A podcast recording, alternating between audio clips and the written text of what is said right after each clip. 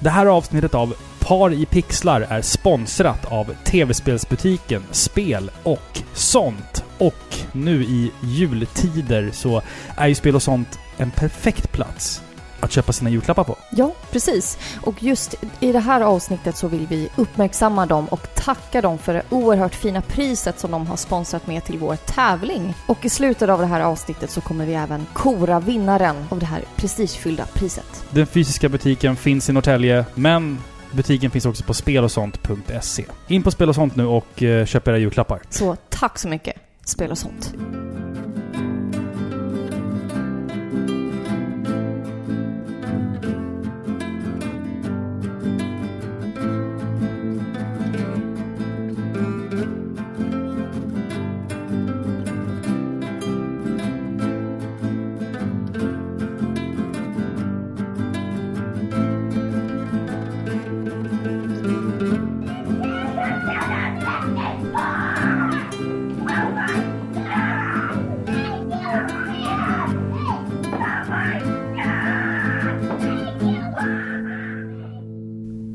Varmt välkomna ska ni vara till avsnitt 106 av Sveriges mest kärleksfulla tv-spelspodcast Par i pixlar.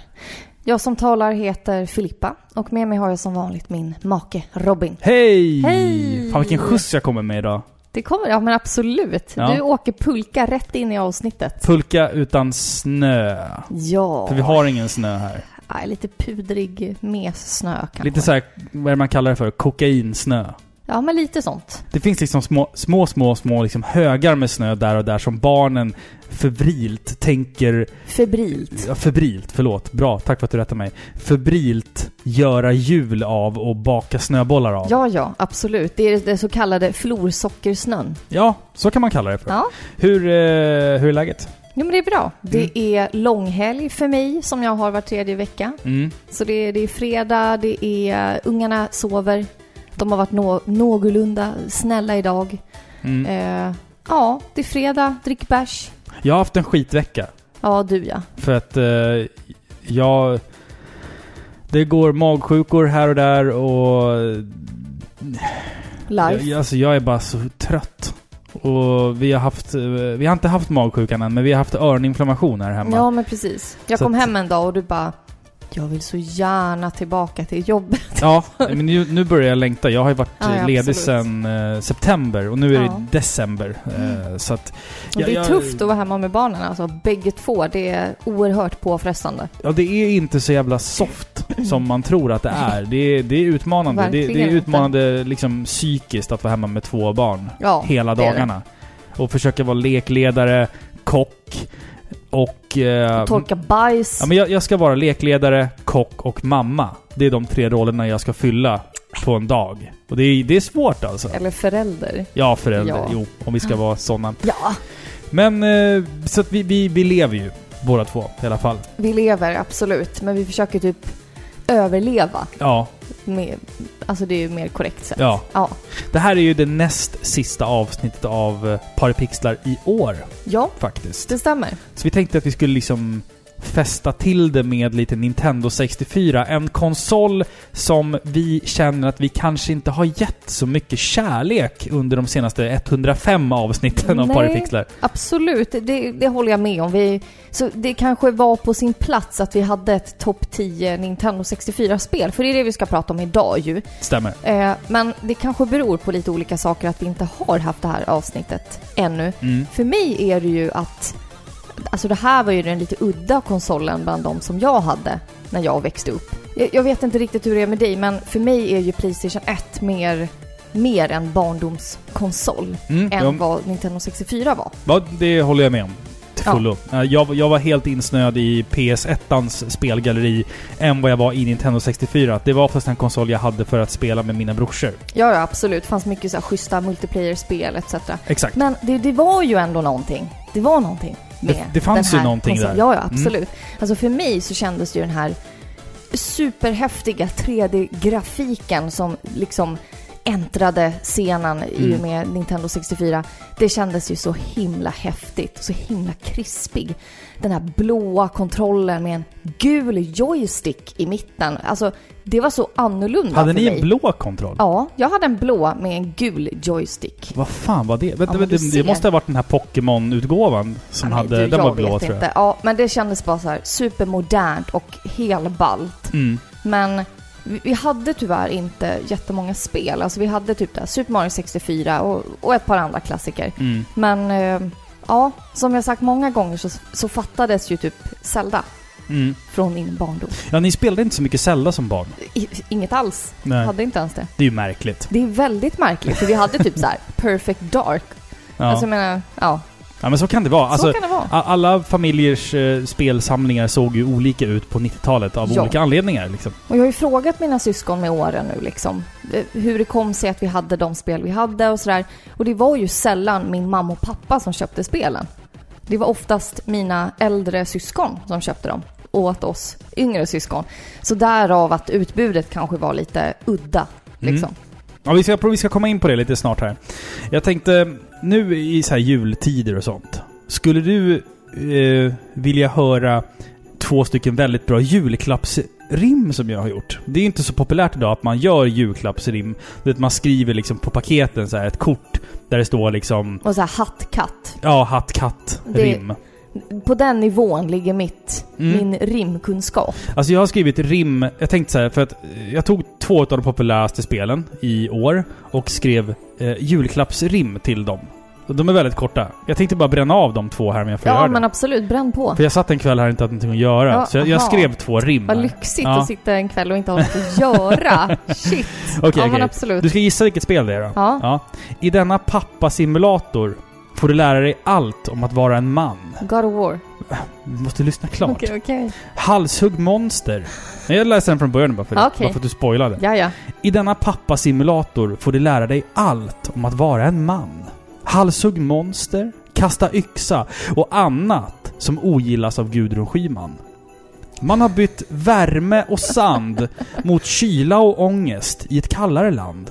En blodig historia om väsen och gudar i snöklädda Norden är det dock ont om lättklädda brudar.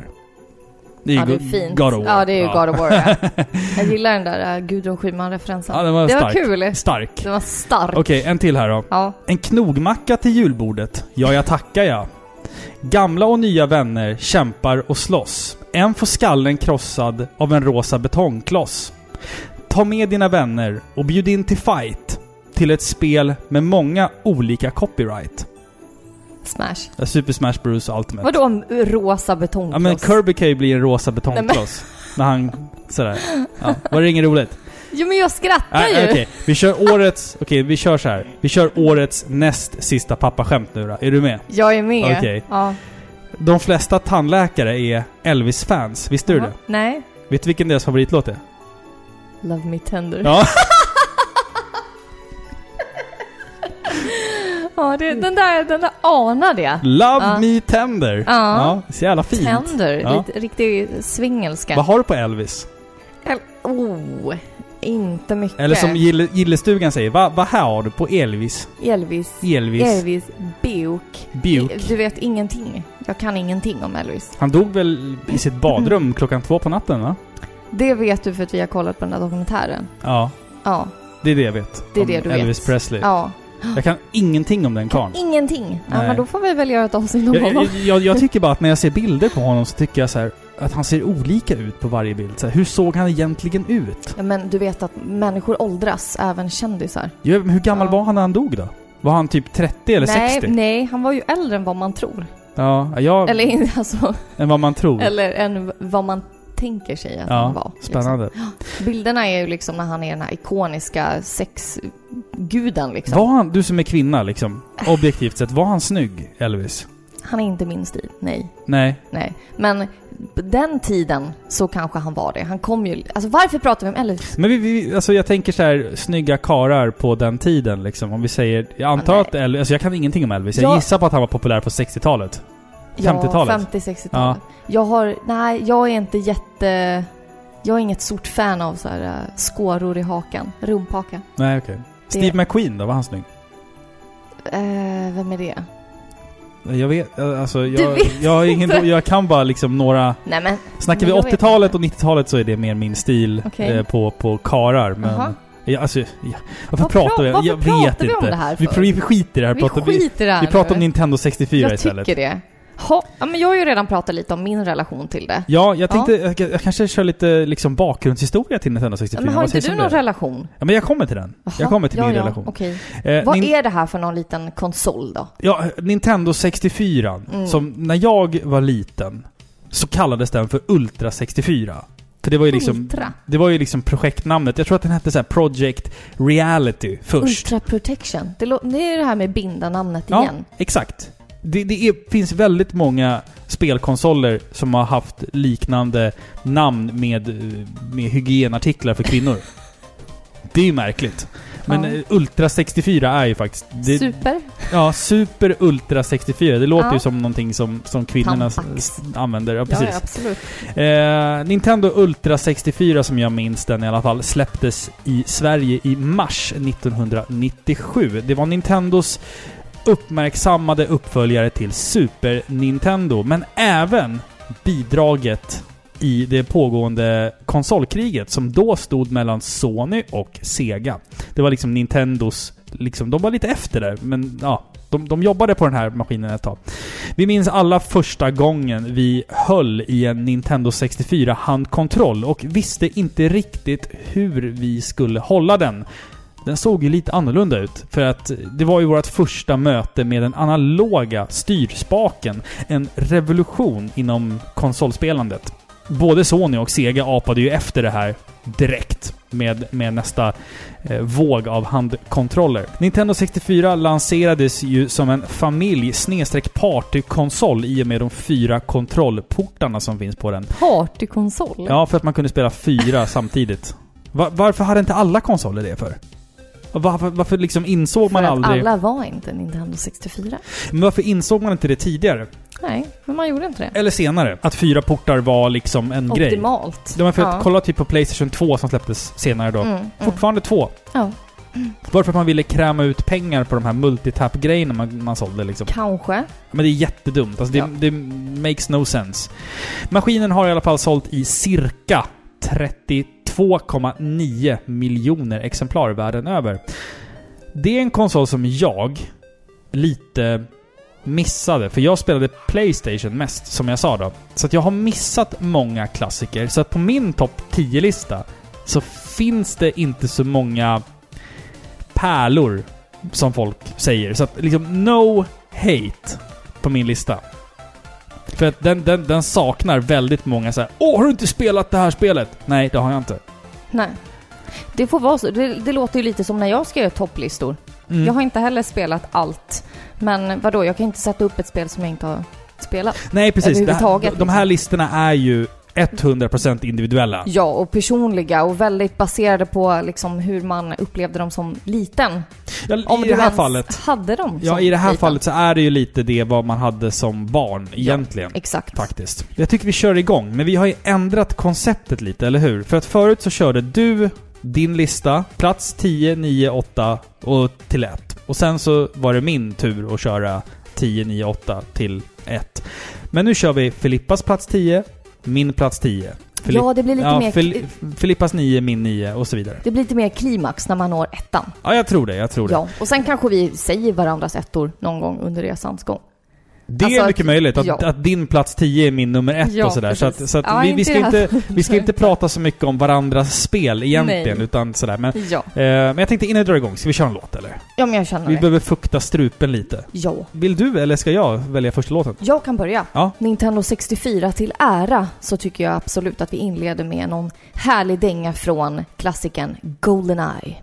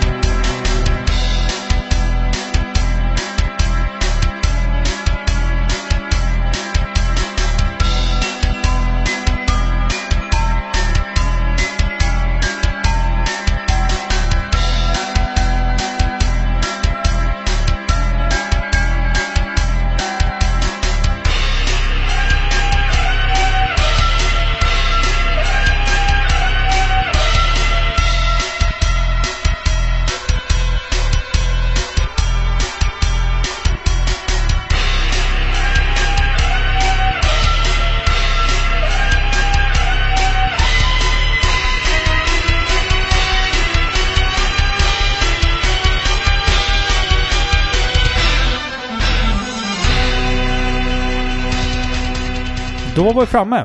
Topp 10 Nintendo 64. Du har en lista, jag har en lista. Du börjar med din plats nummer 10, Filippa. Plats nummer 10. Då har vi en riktig bubblare här.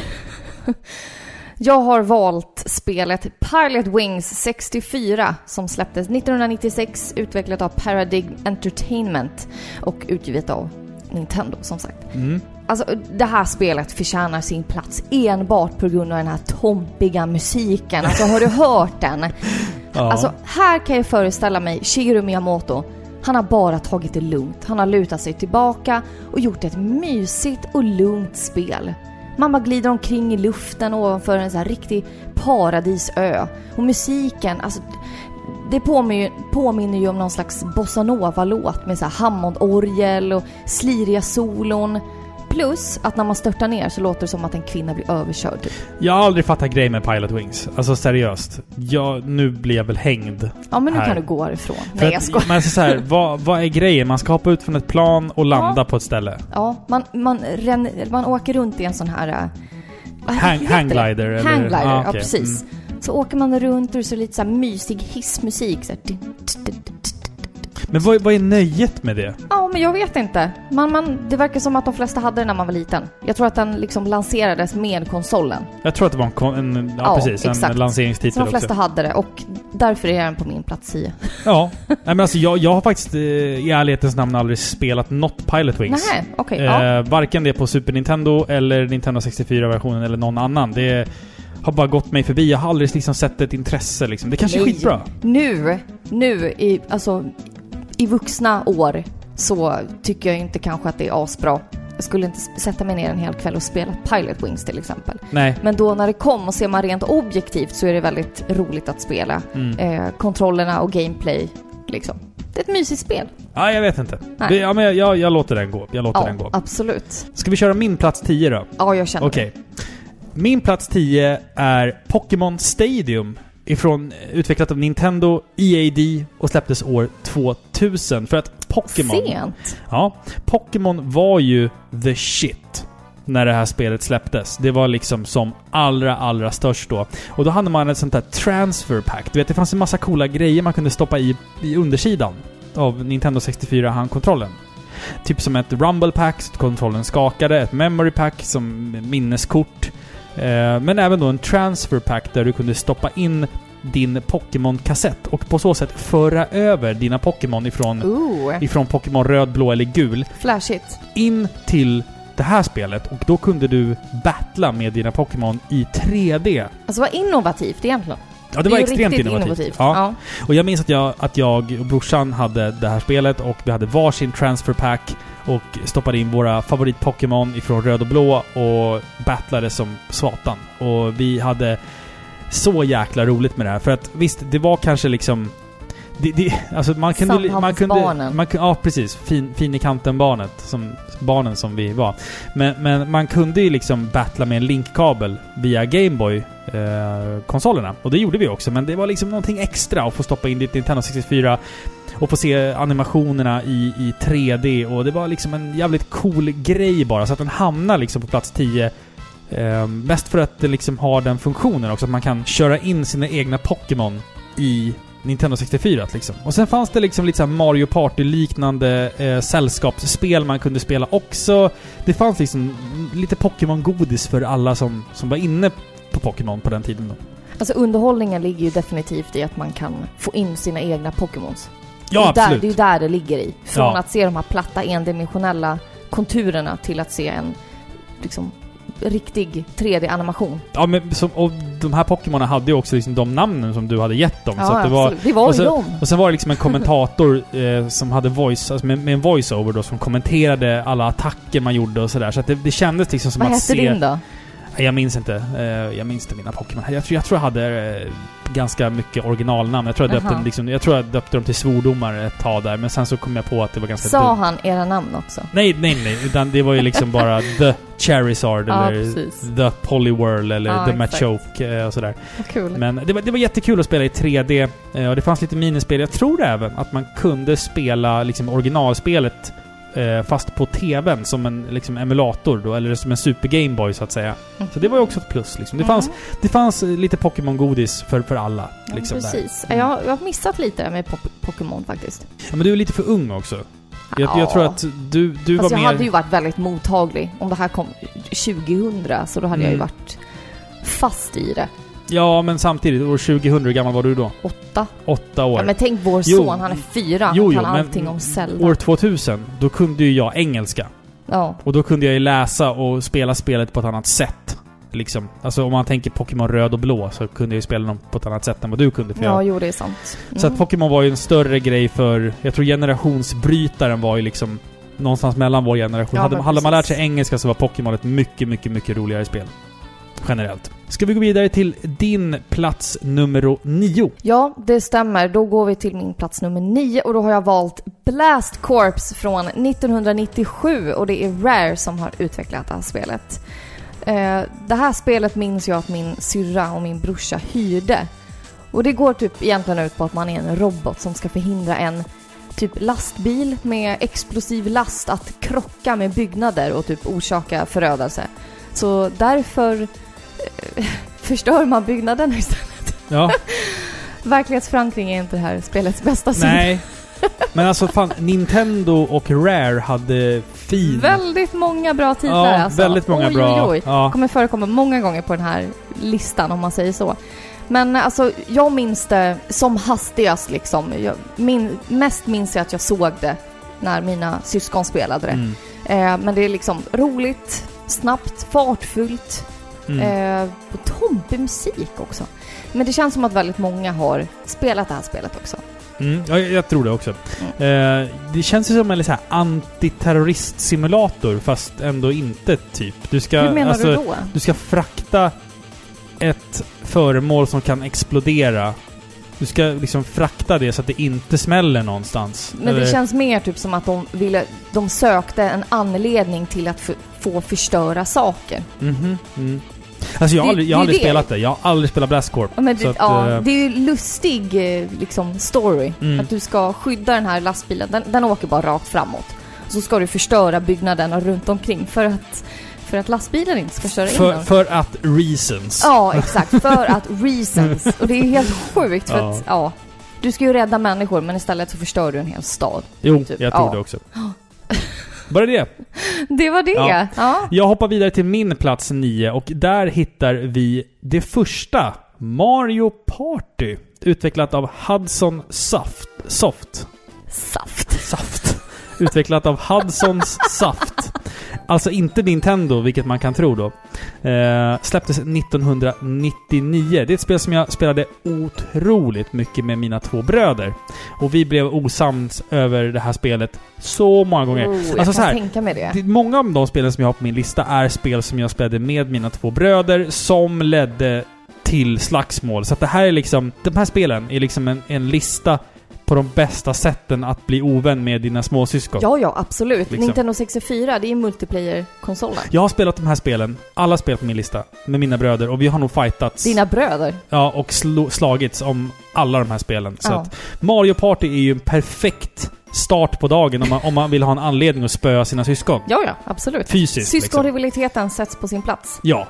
Förutom det då så nötte man ju ut de här jävla analogkontrollerna otroligt snabbt. För att många av de här minispelen då gick ut på att man skulle liksom snurra analogspaken så fort man bara kunde i någon riktning.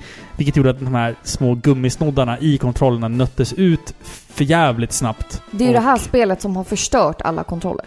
Ja, det är det. Det är alltid så när man går på loppis och hittar en Nintendo 64-handkontroll, lyfter upp den och Helt nött. och liksom spaken ser ut som en slak kattpenis och pekar bara rakt ner. Kattpenis. Ja, det var det enda jag kunde tänka på som Ja. var storleksmässigt Men korrekt. Du, säg bara penis. En Pe- slak penis. Den hänger liksom rakt ner.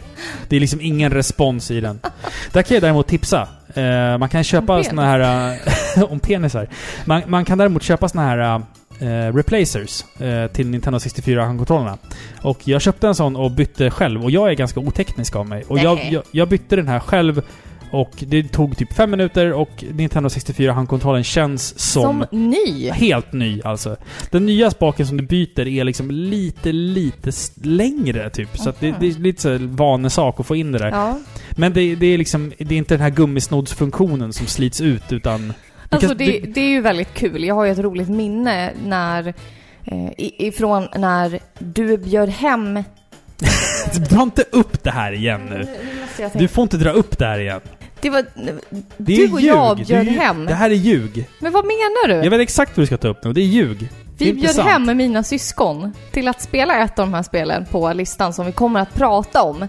Och du hade fyra kontroller, varav en var liksom fortfarande bra. Det här är ljug. Och den tog du själv. Nej, det och vi jag inte. andra hade bara liksom så här jättesega kontroller och... Jag tycker Ja. att det här låter som att det är bara en dålig förlorare som, som pratar.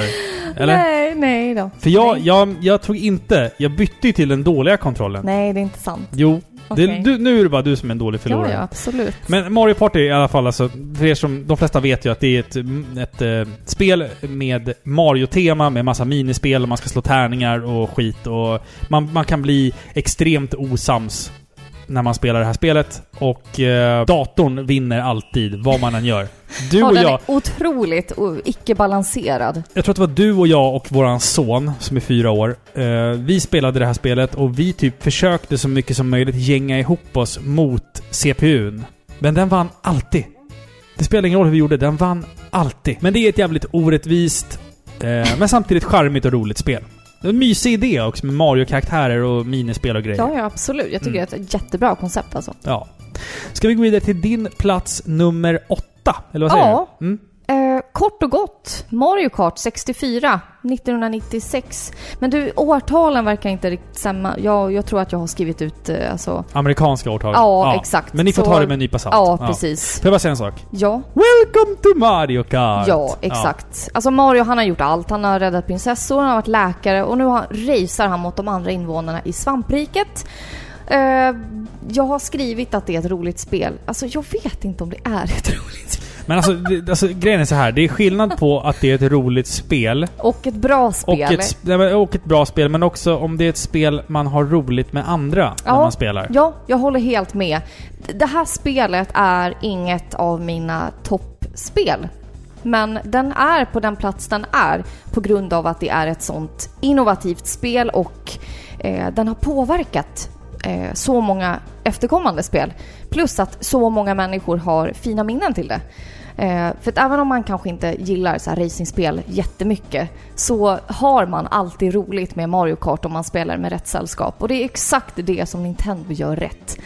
Man kan liksom stå ut med dåliga kontroller, se gameplay eller vad det nu vara må, men i rätt sällskap så är banne mig deras sällskapsspel top notch alltså. Och Mario Kart, jag gillar inte Mario Kart-spelen men alltså det här spelet är roligt när man är i rätt sällskap. Roliga banor, det är lätt att lära sig och jag menar det är en klar förbättring mot föregångaren på Super Nintendo. Så jag menar, det här har nog alla skrattat till. Det var ju den här gången vi var ute och skulle ha eh, strandhäng med dina arbetskollegor.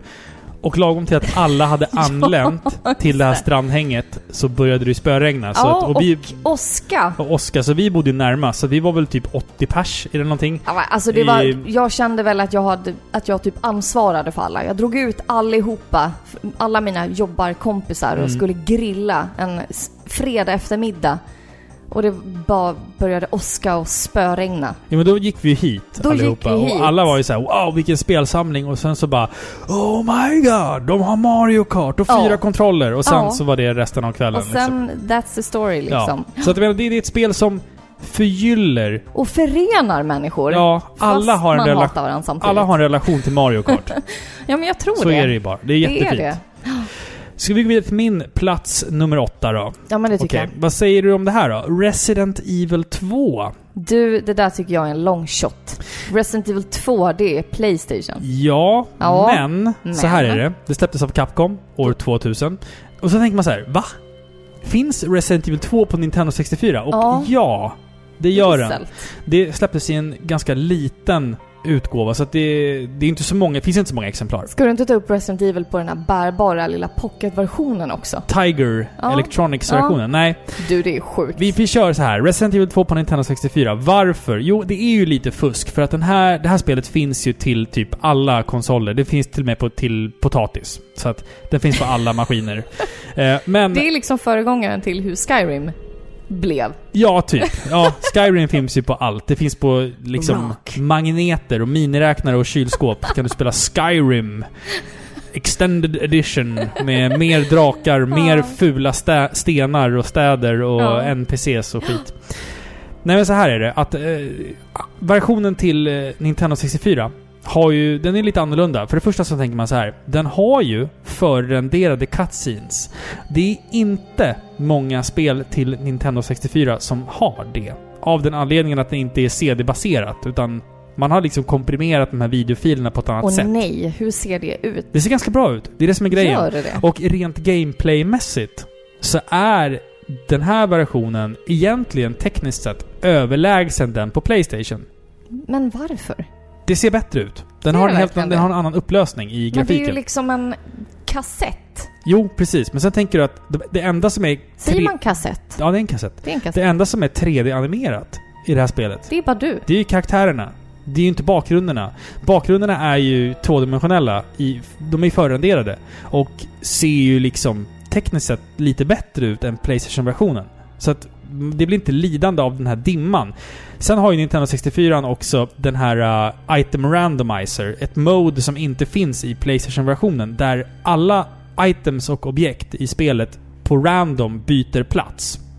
Så att du kan inte längre förlita dig på att du vet vart saker och ting finns. Utan saker och Oj. ting, alla items har bytt plats. Är, Samtidigt som du kan komma till första stället och få någonting jättebra. Ja, gud ja. Absolut. Och det, det är ju unikt för Nintendo 64-versionen. Och man hade ju, som jag, det var det jag glömde säga, man hade ju det här expansion pack som man stoppade i eh, konsolen för att få liksom bättre grafik.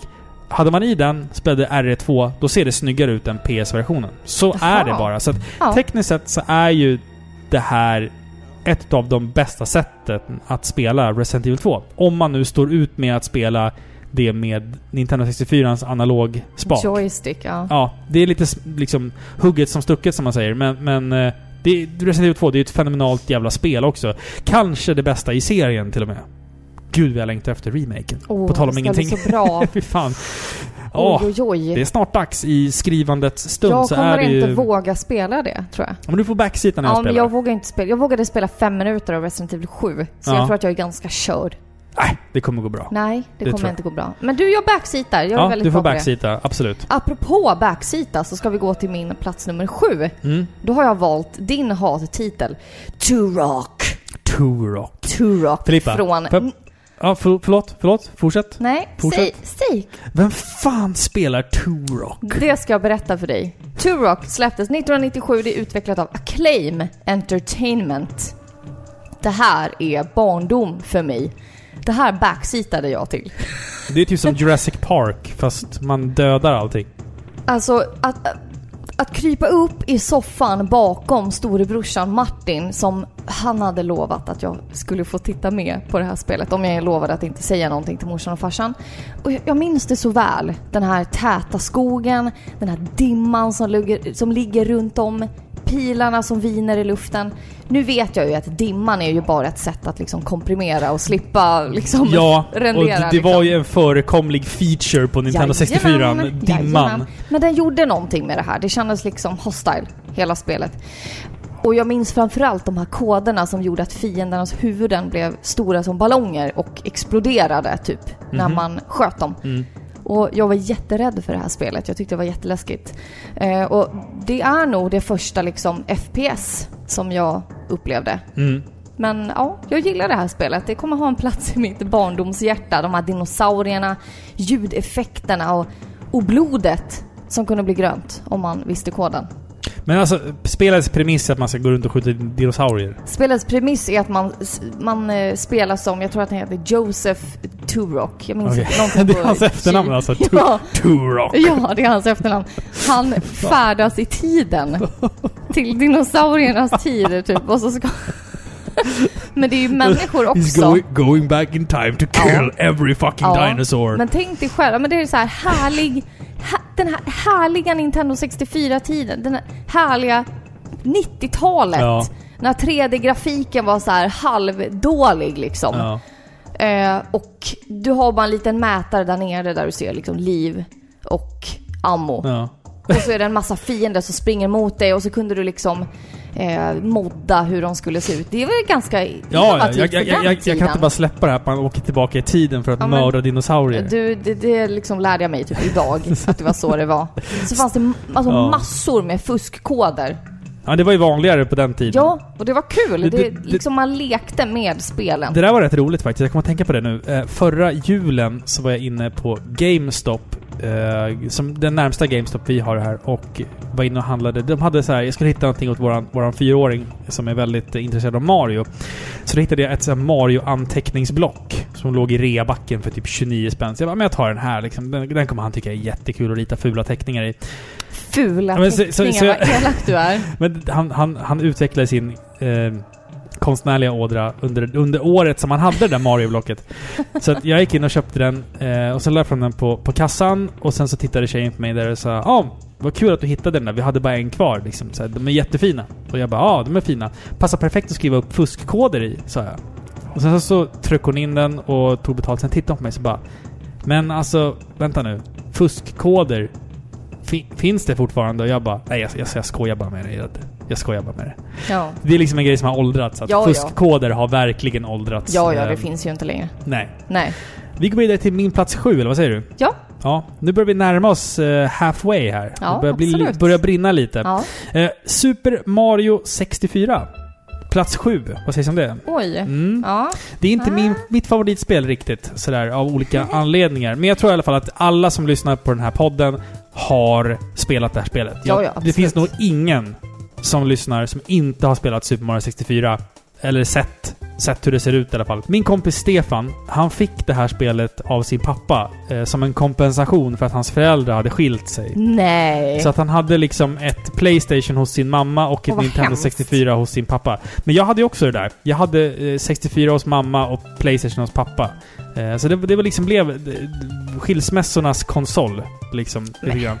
Vilken ångest. Vi, vi spelade detta väldigt mycket i hans eh, pojkrum i eh, hans pappas lägenhet efter skolan. Och det var ju ett fenomenalt spel, Super Mario 64. Det gjorde saker som med Mario som inte hade gjorts förut. Man kunde spela Mario i 3D. Ah, Jag tror alla minns liksom hur banbrytande det kändes att, att få, få göra Yahoo! eh, i 3D liksom. Men liksom. Jag vet inte vad man ska säga. Det är ett spel som betytt väldigt mycket för alla. Det kändes liksom overkligt att spela det från början. Man kunde få den här kepsen med vingarna och Liksom, det, det kändes så stort och du vet man... Alla tog vi upp pingvinbebisen och kastade den över kanten. Och, vi, liksom, ja, den där musiken alltså. Ja, jag tror all, alla har någon relation till Super Mario 64. Ja. Ehm, min är då att eh, min kom, bästa kompis eh, föräldrar skilde sig och att han Ett fick trasigt barn. ett, ett trasigt barn. Ja. Att, Och barn över kanten. Nej, Ja. pingvinbebis över kanten. men det var liksom en symbol. Det var, det var liksom... Det var han som du kastade bort där. 97 var det året då typ alla mina kompisars föräldrar separerade. Men fy. Ja men det var, det var sant. Hela klassen hade dubbelt så många föräldrar helt plötsligt. Så här plastföräldrar liksom, eller vad man kallade det för på Ja. den tiden. Så det var lite så här overkligt nästan. Så att det, Nintendo 64 förknippar jag egentligen bara med så här skilsmässor. Men fy vad hemskt. Divorces everywhere. Ja men det är ju en multiplayer-konsol som eh, skapar Ja, bråk. men, ja, men det funkar ju. Det, alltså, det var ju så som liksom man spelade då, för man fick ju nya... Förenar och bryter. Man fick ju nya syskon ja. runt 97. Ja. Så att då hade man ju fyra kontrollportar och bara köp en kontroll och hoppa in så lär vi känna Det är varandra. en masterplan. Det tror jag också. All Då- along. Nintendo De kände, bara, kände på sig att skilsmässovågen var på gång i, Ja, i, precis. eh, i Nej men Skandinavien. du grabbar, vi gör fyra portar ändå. Det är lika bra liksom. Mycket märkligt. Mm, mycket märkligt. märkligt. Ska vi gå vidare till min nummer sex? Det tycker jag vi gör. Då har vi faktiskt nämnt det här spelet redan. Då har jag faktiskt Super Mario Party. Mm. Mm. Men jag kan väl bara lägga till då att det här är ett spel som vi aldrig ägde som små. Men jag har ju då spelat det obviously som vuxen. Men jag tycker att den förtjänar en plats på den här listan för att konceptet är ju fantastiskt. Att ta det här klassiska brädspelet, Monopol, in i tv-rutan. Och jag tycker ju som sagt att det är bäst när man är fyra personer som spelar. För ibland är ju NPCn inte sådär superbalanserad. Vilket du och jag har fått erfara i och med Peach som bara körde över oss. Alltså Hur man seriöst. gjorde. Vi tog ner hennes nivå till den lägsta och ändå så, hon. Alltså så här, ni som lyssnar. Har ni Mario Party 1 hemma och är tre kompisar. Starta spelet. Spela alla mot alla. Eh, sätt på Easy. Välj att ni ska möta Peach. Och sen så försöker ni gänga ihop er mot henne. Ni Ja. kommer förlora Ja. alla banor. Hon kommer slå en nia varje gång. Ja, och Varje gång. vinna allt. Ja, ja, liksom. absolut. Storslaget. Nu vill jag höra din plats nummer sex. Okej, min plats nummer sex. Eh, folk kommer undra vad fan det här är, men jag ska ge er en förklaring. Operation Winback. Utvecklat av Omega Force. Släpptes år 2000. Vad är det här spelet, undrar folk. Men jag kan säga så här. Det är ju ett taktiskt spionage-actionspel. Då tänker folk... Då tänker folk... Metal Gear Solid. Ja, Ja. ja. men... Men det här spelet har lånat väldigt mycket ifrån Metal Gear Solid. Men det har också gjort saker på sitt eget sätt. Saker som sen Metal Gear Solid 2 implementerade i sitt spel. Precis. Du spelar som Jean-Luc Cougar. Alltså han heter Jean-Luc. Eh, och sen Cougar i efternamn. Cougar. Ja, Mm. Cougar. Och man ska med sina vänner i infiltrationsstyrkan SCAT infiltrera en bas som har, tagit över av, som har tagits över av The Crying Lions. Alltså förlåt, men Ja. varför, varför använder man sig av ordet scat i barnspel? Det, ja, alltså jag, jag det är tror ju att det här andra spelet, Night Trap, har ju också ja, det, finns ett, scat. det, det finns ett spel på 8-bitan som heter SCAT. Så att, alltså det, det är ju liksom Den här säkert en... andra termen som du och jag vet vad det är. Det, det är en pornografisk term. Bajsporr. Bajspornografi, ja, Ja. precis. Så att jag, jag vet Kom inte den varför. liksom sen? Jag, jag har faktiskt ingen aning. Jag, kan, jag vet inte ens vad det betyder liksom. Det, det är jättekonstigt. Men det, det är i alla fall extremt inspirerat av Metal Gear Solid. Man ska smyga och skjuta och sådär. Men sen så kom ju Metal Gear Solid 2. Och då märkte man ju så här: okej, de har spelat Operation Winback. För att, det var, Operation Scat. för att i då eh, Operation Winback så kan du ju köra det här Duck and Cover. Som sen liksom blev... Ja men det heter det. Alltså, när du ställer dig vid ett hörn eller sätter dig vid en liten låda och sen vet. tittar ut och skjuter. Det använder man ju jättemycket i Metal Gear Solid 2. Det förekommer idag i Uncharted-spelen och typ varenda jävla third person shooter där ute som, som, som finns liksom. Jag tror att Operation Winback var först med det. Tror. Jag tror det. Mm, Att det var först med det. Eh, intressant. Sen hade jag, jag hade jävligt kul med det här spelet. Jag minns att jag och min lillebror spelade det här jättemycket.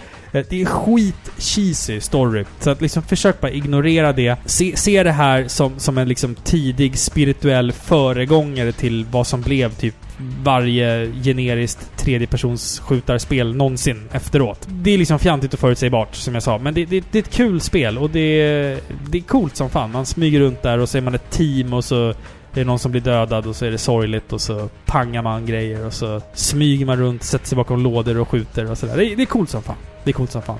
Men huvudpersonen heter Cougar i efternamn så att det, den Ja, bara får... för det så förtjänar den en plats på listan. Absolut. Absolut. Så att spela Operation Winback. Det finns även till PS2 också tror jag.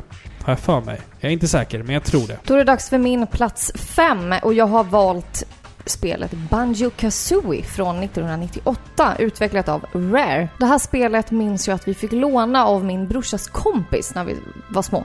Eh, så det är inget spel som jag hade eh, själv alltså. Men eh, jag tycker att det är ett väldigt roligt spel som faktiskt lyckas någorlunda med den här 3D-styrningen. Och jag ska förklara vad jag menar. Det är, alltså många spel på den här tiden kändes ju väldigt klumpiga, framförallt med kameran. Eh, och många gick ju knappt att spela på grund av de här omöjliga vinklarna. Eh, och det, det gjorde liksom att spelen blev eh, liksom svårare Mm. än vad de egentligen var från början på grund av att man inte såg någonting. Men det här spelet tycker jag ändå fixade det. Och sen så har vi en jätterolig och underhållande antagonist som typ tar alla chanser hon får att liksom baktala dig och skämta på din bekostnad. Här introducerades också för mig det här konceptet med hubbvärld. Alltså vi har en stor värld där liksom dörrarna till alla andra världar finns. Eh, och det är väldigt många spel som hade det på den här tiden. Och jag är faktiskt inte jätteförtjust i det konceptet på grund av att ja, men jag tycker att storyn faller bort helt. Och det bryter lite den här fjärde väggen. Eh, och det känns lite konstlat. Men trots det så tycker jag att det här spelet är väldigt roligt. Eh, det är väldigt lätt att lära sig. Det är perfekt för barn, verkligen. Och det är väldigt mysig musik också. Jag, jag tror att... Nu ska jag säga det. Okej, Banjo Kazooie eller Banjo Tooie är inte med på min lista. Nej. För att jag har inte spelat dem så pass mycket för att de skulle kunna vara med. Men jag, det jag har sett och det jag har, jag har ju prövat spelet någon gång sådär. Jag tror att det lätt skulle vara i min topp tre om jag hade spelat det mer. Men jag har inte spelat det, så Nej. att jag vill liksom inte i, i, implementera ett spel som jag knappt har Nej, men det spelat. ska man inte göra. Absolut inte. Men, det, är ju mysigt. och När väldigt- du och jag har testat det så är det ju så här. Fan, det här är riktigt ja, men snyggt. Det, det, det gör absolut. saker betydligt mycket bättre än Mario 64. Absolut, Mång- på många plan Ja. faktiskt. Och det, jag, jag tänker själva världarna i sig är väldigt avancerade.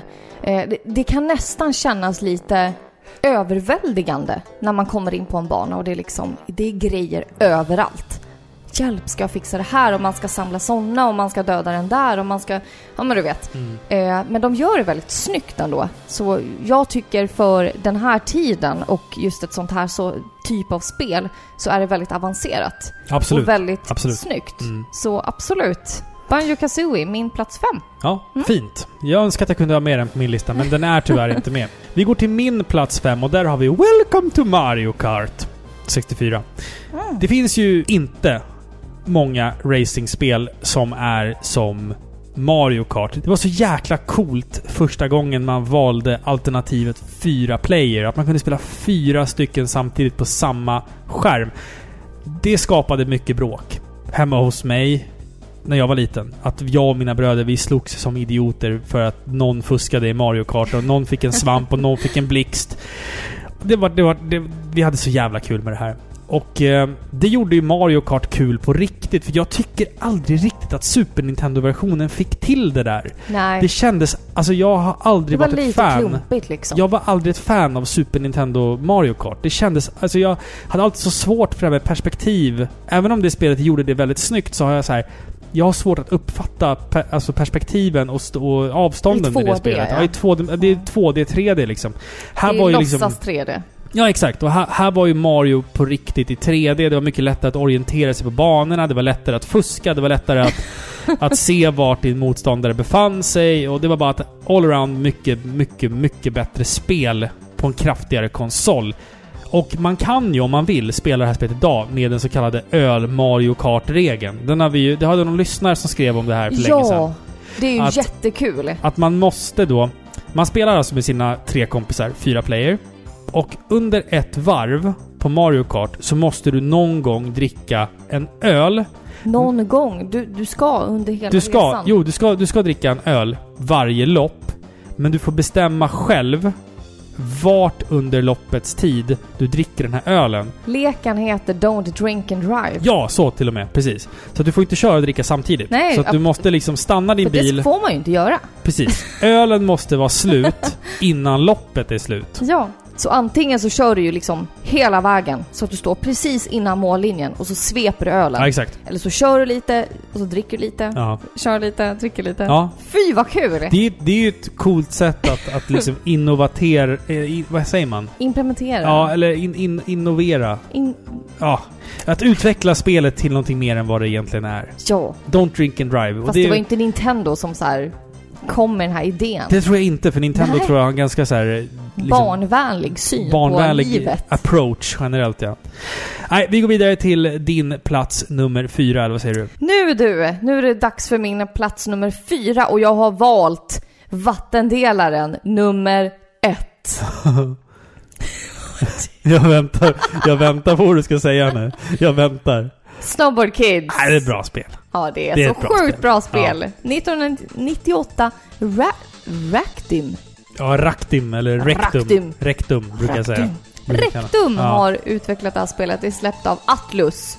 Vad har Atlus gjort på senare dagar? Ja, Persona. spelen. Catherine. Catherine, Jajamän. massa spel. Ja. Så det här är liksom i, i dess linda kan man säga. Men det här är ju som sagt vattendelaren. Eh, jag ägde inte det här spelet som liten utan jag har spelat det som vuxen. Och till en början, alltså hear me out. Jag förstår folk som inte gillar det här spelet.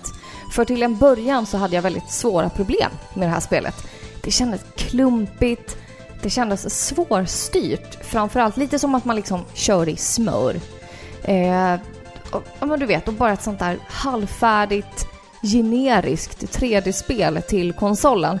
Men efter ett tag så började liksom kontrollerna släppa lite, man kände lite på styrningen och det blev sjukt underhållande. Och jag tycker verkligen att det här är ett underskattat spel när det kommer till multiplayer-läge.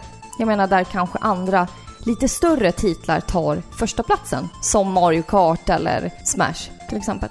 Eh, men jag tycker att det är ett roligt, underhållande spel och musiken är så härlig och glad och... Ja men den är... Den är bra! Det är ett bra spel. Jag kan inte säga så mycket mer för att jag, det kanske dyker upp på min lista. Ja, kanske jag, inte. Jag förstår det. kanske jag förstår inte, det. vi vet inte. Jag tänkte på en grej, sitter och dricker öl här. Fan. Det känns som att varje gång vi börjar ett nytt Par pixlar år så inleds det så inleds det nyktert. Liksom. Och sen när Gör man det? kommer till så här, oktober, november, december. ut alla avsnitt som är inspelade i oktober, november, december är så här, mer och mer och mer och mer och mer alkohol i avsnitten. Som att jag vet liksom inte hur många öl jag har druckit Vi vid det här måste laget. dricka för att orka med vintermörkret. Nej, ja, jo, nej, men nej, det, nej. Det, det är så. Nej men så här är det, om det är någon av er lyssnare som undrar varför vi alltid säger att vi dricker öl när vi spelar in. För att vi är liksom... För att vi är alkoholister? Nej. Vi är hopplösa människor. Nej, nej. men så här är det. Alltså vi har ju väldigt, väldigt lite tid. För vi är småbarnsföräldrar, vi har... Jag jobbar nästan typ heltid, du tar hand om barnen på dagarna. Mm. Vi har väldigt mycket att göra i vårt liv. Ja, Så jag menar att, en, en ä- att ägna en hel kväll till att sitta och spela in podcast, det gör vi gärna då till en lite större grej. Och vi brukar spela in på typ torsdag eller typ såhär fredagskvällar. torsdag eller fredag eller lördag kväll. Då kan man Mm. knäppa en bärs och liksom passa på att ha lite helgmys. Ja, Samtidigt. jo, men det är så. Ja. Vi ska inte äta chips i podden. Nej, det ska Eller vi inte. rapa. Det Ja, men har- så att ni det inte vi tror fått. att vi så här dricker varje dag eller någonting. Nej, men som pappaledig så har jag druckit Jag har lite. knäppt en och annan bärs. På kvällen sådär. Ja. En eh, tisdag eftermiddag. Ja, vi går vidare istället. Vi går Ja, vi vidare. gör Eh, min plats fyra. Ja. Uh, utvecklat av Rare. 1997. Goldeneye. Du, Hur kommer det sig att du ligger alltid före mig än? Men är din nästa placering Goldeneye också? Kanske. Ja, men då kan vi köra det här tillsammans. som Ska vi göra det? Ja, vi kör. Ja, Det så- din plats tre och min plats... Nej, Min- din min- plats fyra Precis. och min plats tre. Goldeneye. Golden Eye. Helt plötsligt. Dun, dun, dun, dun. Ja. Helt plötsligt så var James Bond relevant för varenda ungdom i Ja. typ hela världen. ja, ja, absolut. Från att ha Absolut. varit den här märkliga filmserien som mamma och pappa kollade på så... Sean så Connery liksom, med ett talfel. Ja. Sean Connery, vi har ju pratat om det här förut Ja. Filippa, men Sean Connery är inte Jo. den bästa Bond. Jo, Det med är Roger Moore. Nej, det är det inte. Roger Moore! Han är ju för fan britt. Eller kanske, det kanske Sean Connery Vet du också. vad han har? Nej. Han har rumphakan. Ja, det ska Bond ha. Nej, det Jo. ska Sean Connery, jag tänker bara på The Rock. Liksom. Sean Connery är en stilig man. Ja, men han är ju...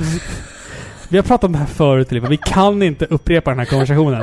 Men Sean Connery är ju... Nej, han har aldrig varit en bra Bond. Jo. Nej, han har Jo. faktiskt inte det. Han Ro- är den bästa. Roger Moore har ju det brittiska, ur, urbrittiska, som gör Men Bond. vadå? Sneda tänder? Sneda tänder, rumphaka, den där liksom sidbenan. Nej!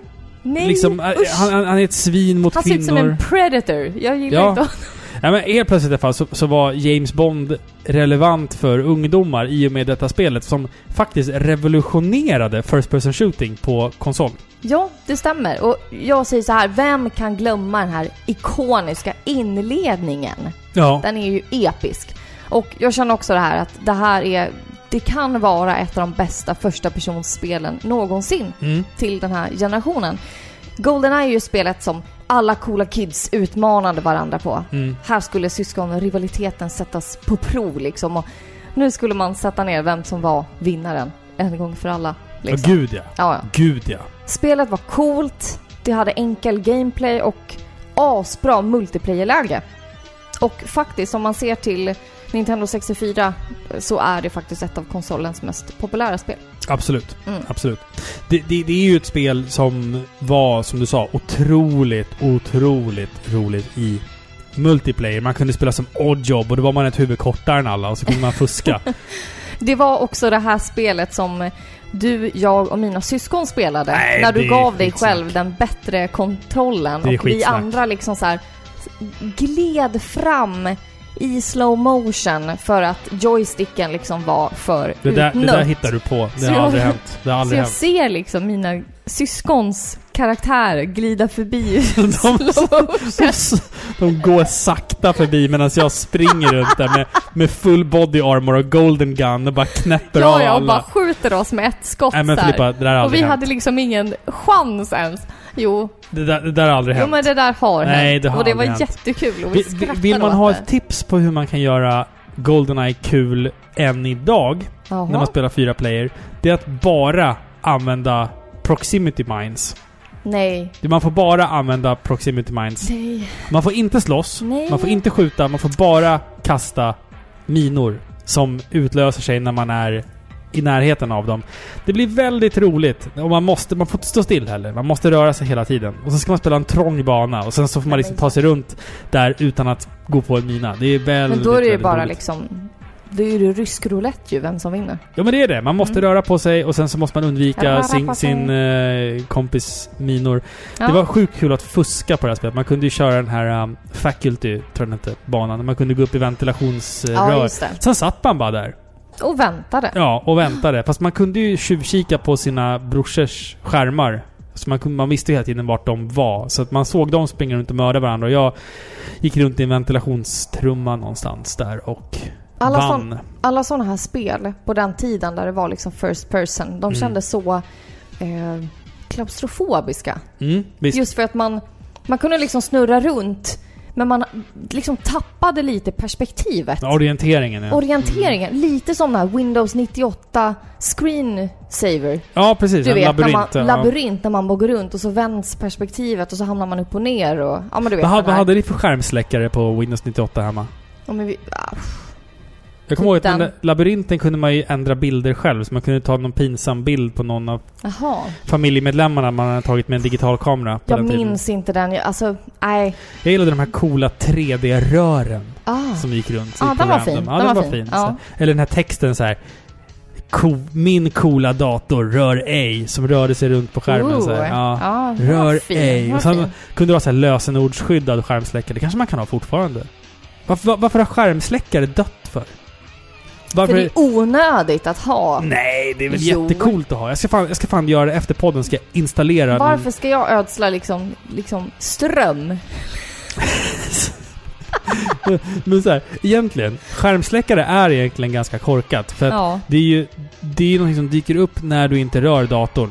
Ja. Vem är den då till för att se? Ja. Alltså, vem ska se den? Det är. Ja, nej. Varför gör den ens någonting? Det är för att den ska ha ett syfte liksom i bakgrunden. Den ska den ska bli något finare. En, det ska bli mer en, En möbel. möbel. Ja. Ja. Det är jättemärkligt. Alltså fenomenet skärmsläckare sådär. Men Ja. Jag kommer ihåg där, man skulle ha en cool text som flöt runt så här. ja. Robins coola dator. Rör nej. ej mamma. Nej, det hade inte. Och så var det lösenordsskyddat också. Nej, Det hade jag.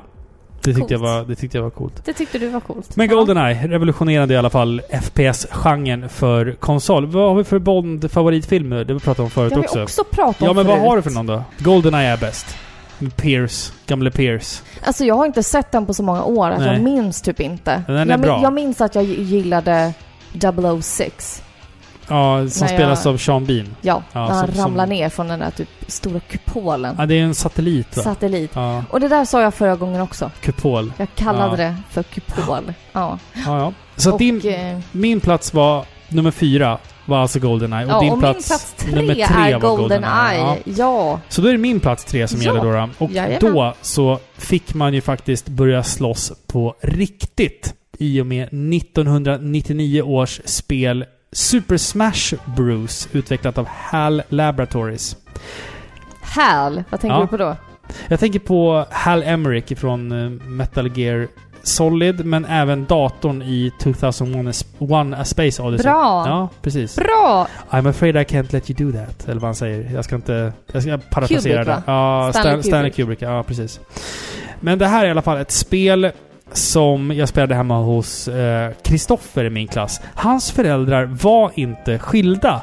Men hans mamma var från Filippinerna och pappan var svensk. Så att, Okej. ja. Det var, Issues ändå, Ja, menar du? det fanns Nej, men- issues där hemma. Och jag minns att han hade en liten... Eh, av någon anledning så hade de en liten... Nej, som vad ett, som hemskt. ett, men lyssna, lyssna nu. De hade ett shrine hemma i sitt hus. Under trappan så satt en liten skallig eh, Man. man i staty. Liksom en staty Inte, av en... inte en riktig man som satt där Nej, hela nej, nej, dagarna nej, nej, nej. Det var en liten, typ, eh, vad ska man kalla det för? Liksom en stenstaty av en skallig man som såg väldigt glad ut. Buddha. Sen, sen sa han så här till mig. Kom, kom, kom. Vet du vad? Om man klappar Buddha på huvudet, då, får man, då hittar man pengar. Det var liksom så här. okej. Så jag gick fram där till honom. Så varje gång man var hemma hos honom för att spela Smash så var man tvungen att eh, gå ner för trappan, klappa Buddha-statyn på huvudet. Och hoppa, Nej. och liksom typ så här. Jag hoppas att jag vinner på Smash Bros. Typ, eller så här, Nej. jag hoppas att jag hittar en 20-lapp på vägen hem. Ja. Det var liksom grejen att Buddha skulle hjälpa en. För de var ju då bud- buddister, Ja. insåg jag senare. Ehm, så man skulle klappa Buddha på huvudet. Sen fick man gå upp på Kristoffers rum och spela som Pikachu, Donkey Kong eller någon annan karaktär och slåss i Super Smash Bros från 99. Hjälpte Buddha dig då? I- Ja, det gjorde han. Eh, för att jag spelar ju den här spelserien än idag. Jag har ju nyligen avslutat en, en lång kväll Super Smash Brothers Ultimate med våran fyraåring. Som Just det. älskar det. Och jag tycker också det är ett svinkul spel. Och du har dödat mig också nu. Ja, jag har och, och tagit tillbaka segerpokalen. Ja, För att jag vann ju mot dig. Ja när, när jag spelade med en Pro-controller. Ja, det är inte det gjorde jag också. Man måste spela med GameCube-kontroll. Det Jag vann inte. mot dig. Det räknas inte vad du har Jo, gjort. Nej. Jo. Det är viktigt för mig. Det är en merit. Det är nästan Att du så att en måste... gång har spöat mig i Smash Bros. Jag har spöat dig flera en gånger. En gång har du Flera gånger. Okej, två gånger. Tre. Tre gånger har du vunnit över mig i Smash Bros. Och där på mässan, när vi skulle spela det nyaste Smash, så, Ja. så tar jag dig. Det var ju i somras. Och det kändes så bra. Ja men det... Ja, det, Det kändes så bra. Och det, och det det finns till och med bild på det. Och Vem är det som vinner bra. nu då? Vem är det som vinner nu då i Smash? Ingen, för Det du jag jag. spelar inte. Nej, för du, du bara Ej, jag tänker inte spela det här längre. Nej, det det är skitspel." tråkigt. Det är, det är inget skitspel. Men i alla fall, allting började med Super Smash Brothers på Nintendo 64. Det är ett fenomenalt fightingspel med kända Nintendo-karaktärer som spöar skiten i varandra. Det är ett bra jävla spel. Och det, intro, man, det introducerade den till Captain Falcon, för att jag hade, ingen relation till vem Captain Falcon var. Vem fan är det här? Och sen så bara, det är han som kör den blåa bilen i F-Zero. Jaha. Okej. He, he's a guy, apparently. Okej. He's someone. Och sen så här, Ness. Vem fan är Ness? Så bara, Earthbound. Vad, Jaha. vad, vad är Earthbound? Ja, men då lärde du dig vad det Då var. lärde jag mig det och sen så spelade Mother. jag... Mother, ja precis. Så det är liksom, ja. Smash Bros var ju liksom både ett fightingspel men också lite såhär Nintendo-historia generellt då. Det är släktträffen. Det det är är det. familjeträff för hela Nintendos glada skara. Det är ingenting jämfört med min släkts släktträff. Då går det vildare till. Med min släkt då, när vi hyr campingar. Det är himla tattarsläkt som hyr. Det är sant faktiskt. Men vi gör det. Vi hyr hela campingar. Fast ja. nu för tiden så åker vi utomlands Ja, precis. Och tar över så här hotell... Ja, tar Ja. över hela anläggningar. Ja, ni är märkliga. Jag får säga så för att vi är det på riktigt. Ni är tattare. Vi är tattare på riktigt. Ja. Vad är tattare? Nej, men det är ett fult, det är ett fult fördomsord. Förlegat för typ senare. Just det, du har lite... Ja. Nej, senare får man inte säga heller. Nej. Man säger väl rom? Rom. Du har ju lite romsk Ja, men jag vet inte om jag är rom. Nej. Men liksom kringspridda, folkvandrande minoritetsfolk. Jag vet, Ja. jag vet Nej, skitsamma. Vi ska, Ja. vi, ska, vi ska absolut inte inte... bevandra oss i det. Nej, trampa Nej. någon på tårna Nej, det det ska laget. vi inte. Nej, vi ska avsluta året fint, har vi sagt. Ja, inga ska inga vi. fula fördomar och grejer Nej, här. Nej. Absolut inte. Vi går vidare till din plats nummer tre istället. Jajamän, nu kommer den. Super Mario 64. Nu kommer din 64 nu Mario. kommer min 64. Mm. Ja, men jag kände det var väl dags att den skulle komma. Det här spelet ägde jag som liten och det här har jag spelat väldigt mycket. Och när Marios stora Nuna dök upp på skärmen och välkomnade mig med den här glada, brutna rösten. Då... Man, man drog henne i näsan. Det första ja, man ja, gjorde. absolut, Ja. absolut. Det måste man göra. Eh, jag visste inte riktigt hur jag skulle reagera. Jag menar Mario, han var ju ett par pixlar. Inte par i pixlar, men Nej. han var ett par pixlar. Ja. Sedd från sidan och framförallt inte med en röst. Men det här spelet gav liv åt Mario på ett alldeles fantastiskt sätt. Och lite läskigt om jag måste vara ärlig, för lilla Filippa. Eh, jag gillade inte Mario sådär supermycket som liten. Eh, Alltså nu pratar jag Mario som karaktär och inte spelen. Eh, och jag gillar nog inte honom jättemycket nu heller. Men jag förstår ju liksom hela betydelsen av att personifiera Mario och ge honom en identitet. Vilket det här spelet gjorde. Jag menar, Nintendo 64 var ju liksom konsolen som gav liv åt de platta karaktärerna. Som lät dig se hela världen i 3D. Det var ju superstort för en Ja men för barnen, för kidsen på den här tiden. Och att få stiga in i Super Mario 64, det var ju helt magiskt. Alltså jag minns varenda korridor, det kändes mystiskt och hela slottet var liksom främmande och lite läskigt. Det var ju korridorer med spöken, det var golv som vek sig när man gick över dem. Shit, alltså this was some scary shit för mig. Jag tyckte det var lite läskigt. Eh, men då så fattade jag aldrig riktigt hur eh, banorna funkade. Jag var ganska liten när jag spelade det här spelet. Eh, Just det att man kan spela dem flera gånger, att man kan välja olika mål med, med varje gen- genomspelning. Eh, Jag tyckte det var lite krångligt. Men nu ser jag ju hur briljant det är egentligen. Eh, Även om jag har fortfarande lite, lite svårt för det. Det, det är ju ett spelsystem som vi fortfarande ser idag i och med Super Mario Odyssey exempelvis. Precis, då att man absolut. Besöker en värld och kan plocka olika... Då, nu är det månar, då var det stjärnor. Och sen Exakt. så... Ja. Och det här som vi spelade senast med, med katterna. Vad heter den? Men katterna? Ja, Men du kan bli en katt. Super Mario 3D World. Ja, Ja, då precis. är det också lite Mm. så att du kan... Eh, du besöker olika världar, du, du väljer egentligen själv Mm. eh, vad målet med banan ska vara. Mm. Om det bara är att ta sig till slut eller om du ska liksom samla alla stjärnor, Mm. etc. Ja. Väldigt bra det introducerades i det här spelet. Och ja, som sagt, Super Mario 64. Ja, det är, Ja. det är en klassiker. Ja. Det är en klassiker. Jag går vidare till min plats nummer två och jag kommer få så mycket skit för det här. Jag har två spel kvar på min lista. Du med. Och Nej, jag har ett. du har ett spel kvar till och med. Och jag, jag har två kvar. Jag kommer lägga min andra placering på Snowboard Kids. Det, jag, jag, Jag visste det. jag, jag sätter upp min Jag har stora... väntat på det här. Ja, jag har en stor flame shield för mig här nu för allt skit jag kommer få för det här. Men jag älskar det här spelet av många olika anledningar. Delvis för att det är ett bra spel. No hate. Det är ett bra spel. Men också för att jag hade så jäkla roligt med det här spelet med mina bröder.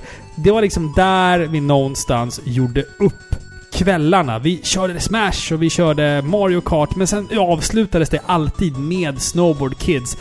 Vem var fortast ner för backen i det här spelet? Det här är liksom total Nintendo 64-nostalgi för mig. Det här är liksom den nostalgiska ursäkten då till att det här spelet kommer så pass högt. Det var liksom som Mario Kart, tänkte vi, fast på snowboard och bättre. För snowboard är coolare än go-karts, det vet vi alla. Det här är ett snowboardspel som också har liksom, likt ett go-kartspel, flera lopp. Du racear ju inte ner för backen och sen är det klart, utan du racear ju ner till en lift.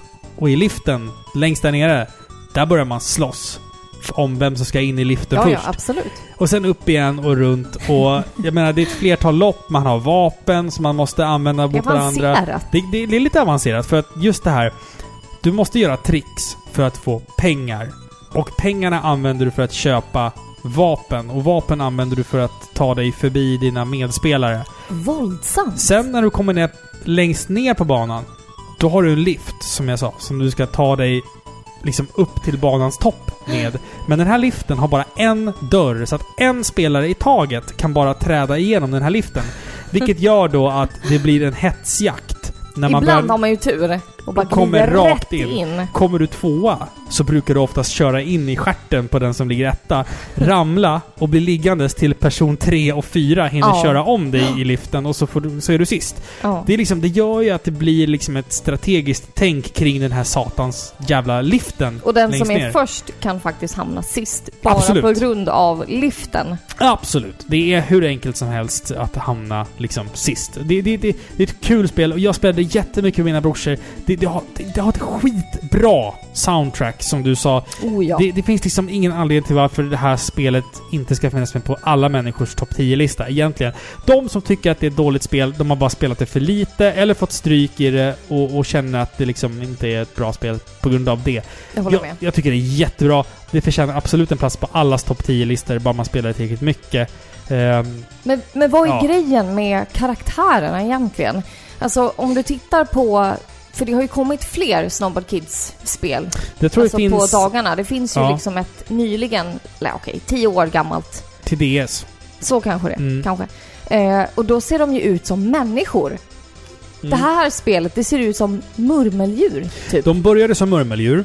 Och sen så kom Snowboard Kids 2, som Ja. är, idag är ett extremt ovanligt spel. Så att Aha. hittar ni det på en loppis så fucking det. köp det och var glada. Sen kom eh, Snowboard Kids Plus till Playstation 1 Ja, faktiskt. Och sen så kom då eh, SK... När blev de människor? Ja, i och med... Eh, vad heter det? Snowboard Kids SBK till DS. Snowboard Kids då heter det SBK till Nintendo DS. Eh, då ser de ut som liksom människor. Nu ser de ut som liksom små chibi-figurer med stora näsor. Jättenäsor. all, alla har så här plåster på näsorna och, och liksom, de är så här, de ser så här sexiga ut. Nej. Tjejerna, tjejerna ser ju sexiga ut. Nej. Och sen kollar man upp i instruktionsboken, hur gamla är de? De är tio år. De är inte... Va? Vadå Ja. sexiga? Men en har ju så här värsta stora tuttarna och grejer. Alltså det är jättemärkligt. Ja. Googla Snowboard Kids så förstår ni vad jag menar. Ehm, det, det är ett skitkul racerspel med flera lopp eh, på varje Ja. bana och det är bra musik och det är ett kul spel. Nos- Nostalgiplatsen liksom för mig. Ja, men det är ett bra Ja. spel också. Det är det. Mm. Nu vill jag höra din plats nummer ett. Min plats nummer ett. Ursäkta om jag avbryter. Men jag tror vi har samma spel. Jag tror också ett. Ja, jag tror det också.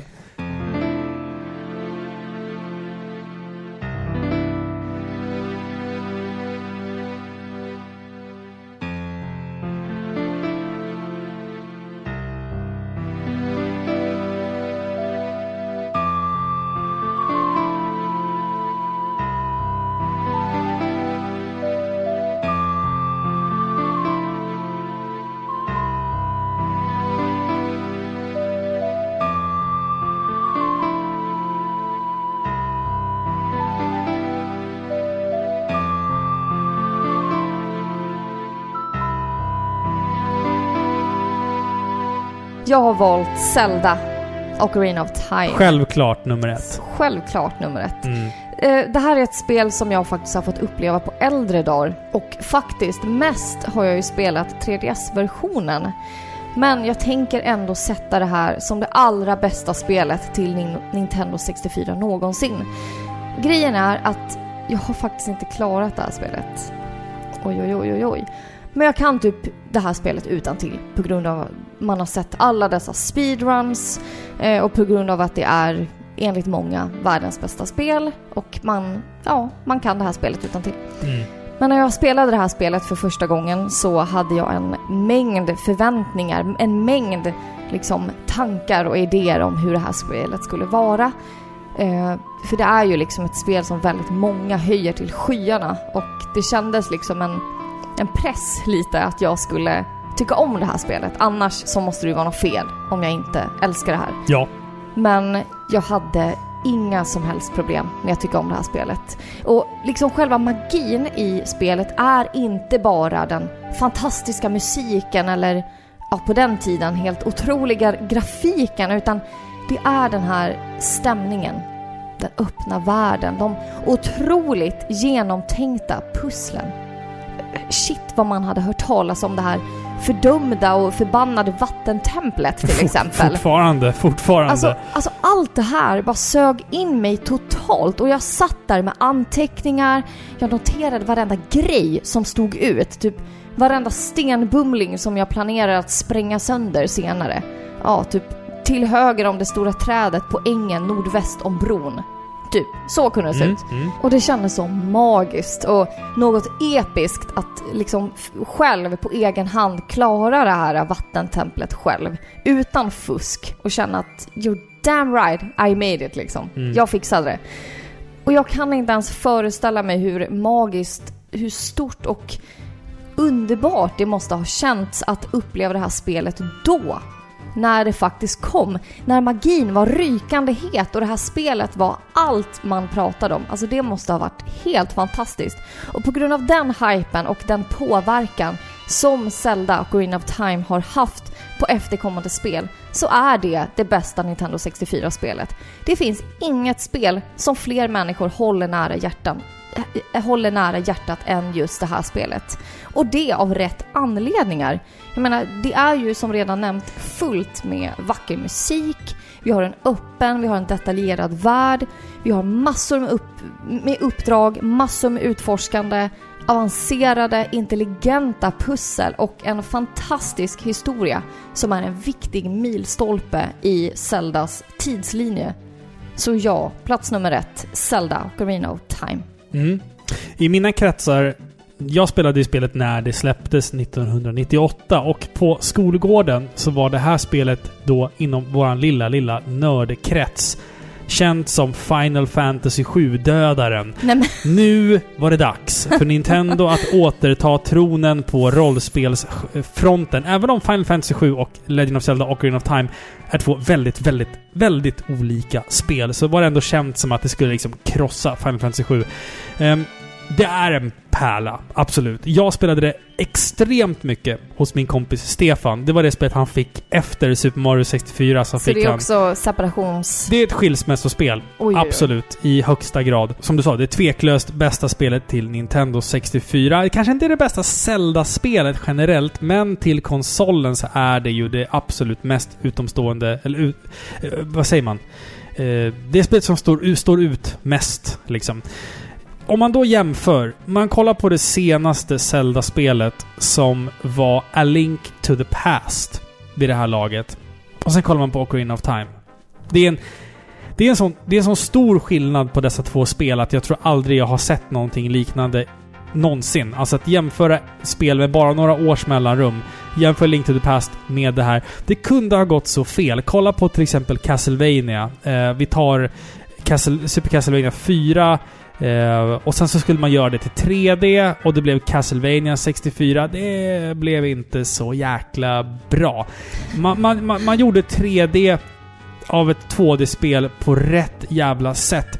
Hyrule kändes enormt stort. Och jag minns liksom första gången man kom ut från, från eh, Links skog där i början. Från Kokiri Forest och, och kom ut på Hyrules stora karta. Och man tänkte så vänta, vänta, vänta, vänta, vänta nu det, det tar aldrig slut. Alltså kartan kändes oändlig. Och det kändes att här kan jag inte gå för jag, jag saknar något föremål som gör att jag ska ta mig över den här trasiga bron här. Och jag kan inte använda någonting där, för då måste jag spränga bort någonting med bomber. Det var samma upptäcktskänsla som i A Link to the Past, fast man hade liksom adderat en extra dimension till det. Det var fan overkligt stort. Det går inte med ord att beskriva the impact som det här spelet hade på min barndom. Och på många andras barndom heller.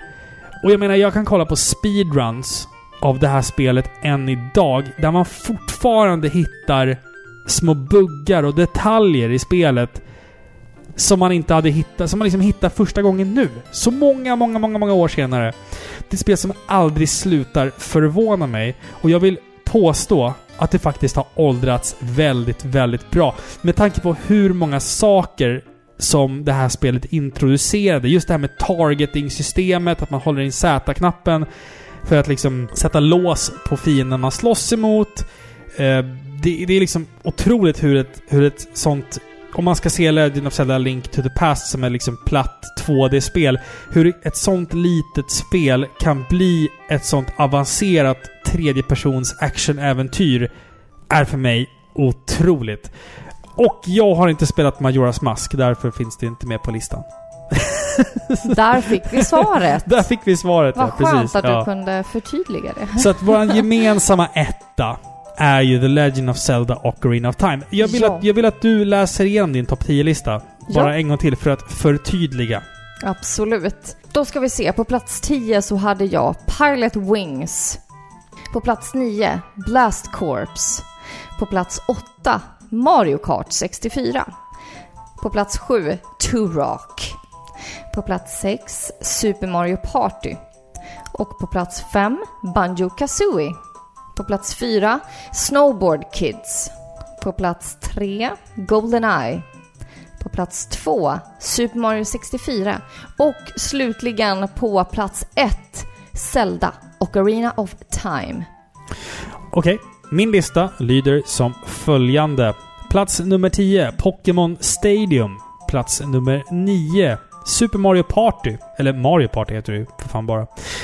Plats nummer 8, Resident Evil 2. Plats nummer 7, Super Mario 64. Plats nummer 6, Operation Winback. Plats nummer 5, Super Mario Kart 64. Plats nummer 4, Goldeneye.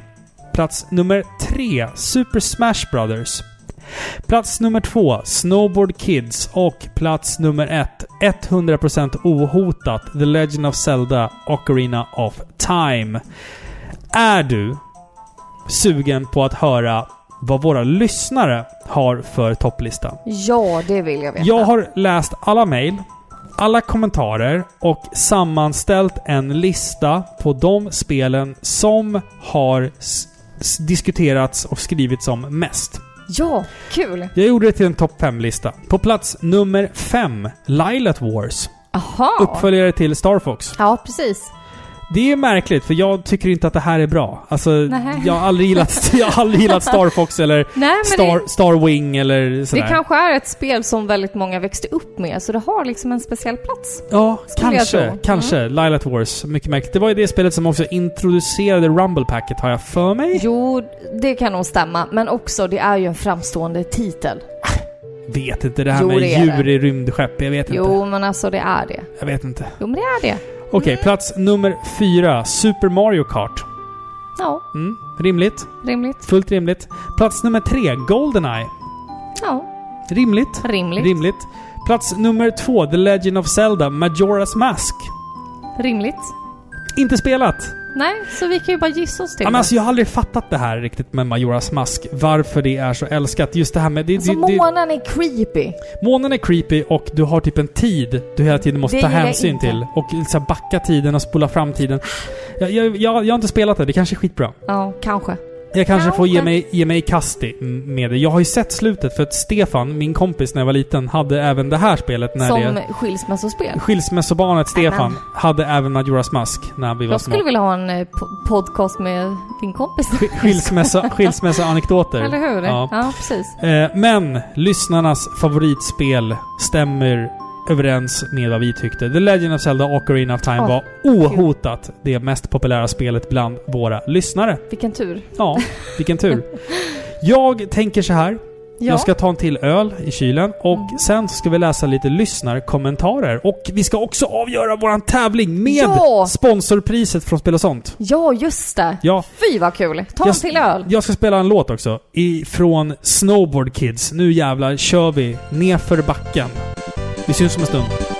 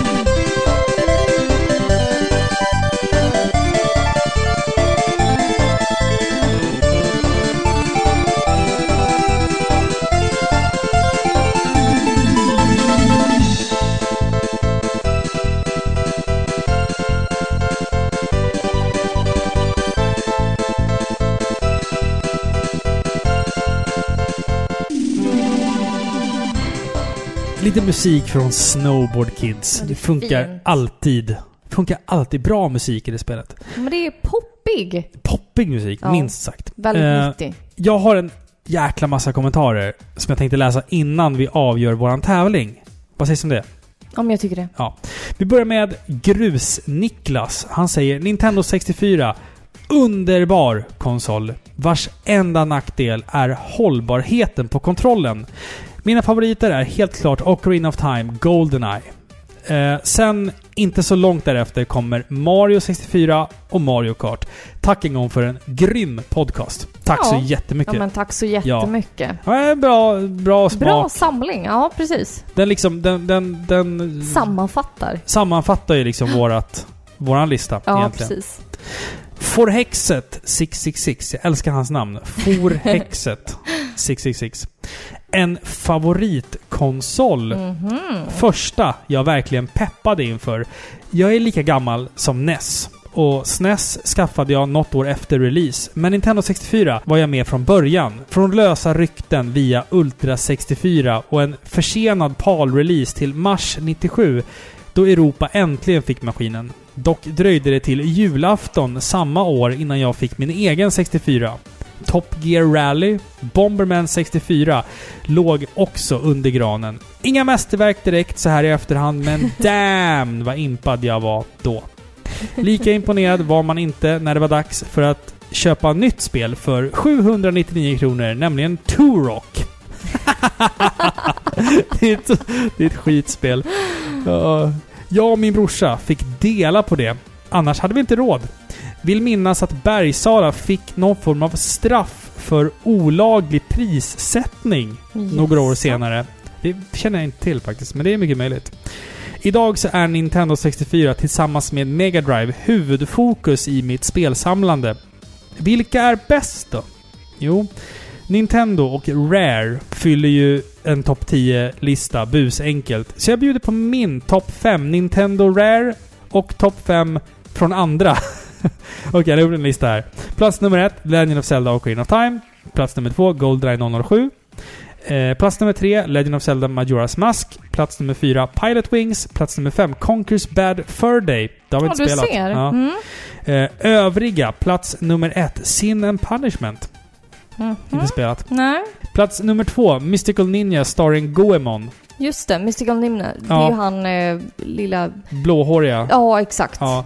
Japansk så här, mytologi med Precis. monster och, och um, yokais. Och det, Jaha, det är lite såhär... Alltså, tänk dig, ja, tänk dig typ eh, Pokémon Rocky. Typ. Eh, nummer tre, Space Station Silicon Valley. Mm. Ja, det är det här rymd... Det är så här lite aliens och skit va? Här för mig. Har inte spelat. Plats nummer fyra, Turok 2. Mhm. Vi hade alla tre. Fan vilken skit Filippa. Plats, num plats nummer fem, Resident Evil 2. Mm. Att få in spelet på kassett är en triumf i sig, säger han. Ser verkligen fram emot avsnittet i vanlig ordning. Tack för Sveriges bästa podcast. Oj, oj, oj. Ah, det är fint. Då mår man bra. Fint. Då mår man bra. Tack så mycket. Tack så jättemycket. Fin lista också. Det var en väldigt fin lista. Ja. Väldigt accurate. Sven Stick. Han har figurerat i podden förut. Absolut. Han skriver så här. Glömmer aldrig då jag fick Nintendo 64 på min födelsedag 1997. Och jag öppnade det lilla först. Med Mario Kart. Alltså paket då. Och, och liksom sa någonting i stil med Men jag kan inte spela det här. Jag har ju inget Nintendo 64. Men chi fick jag, för nästa paket var ett Nintendo 64. Även om jag inte kommer ihåg det så gjorde jag säkert en Nintendo 64 Kid. Så jag var ändå... Nintendo 64! Fy vad härligt det klippet är. Ja. Vi, vi, vi, vi, vi klipper in Nintendo 64-ungen här.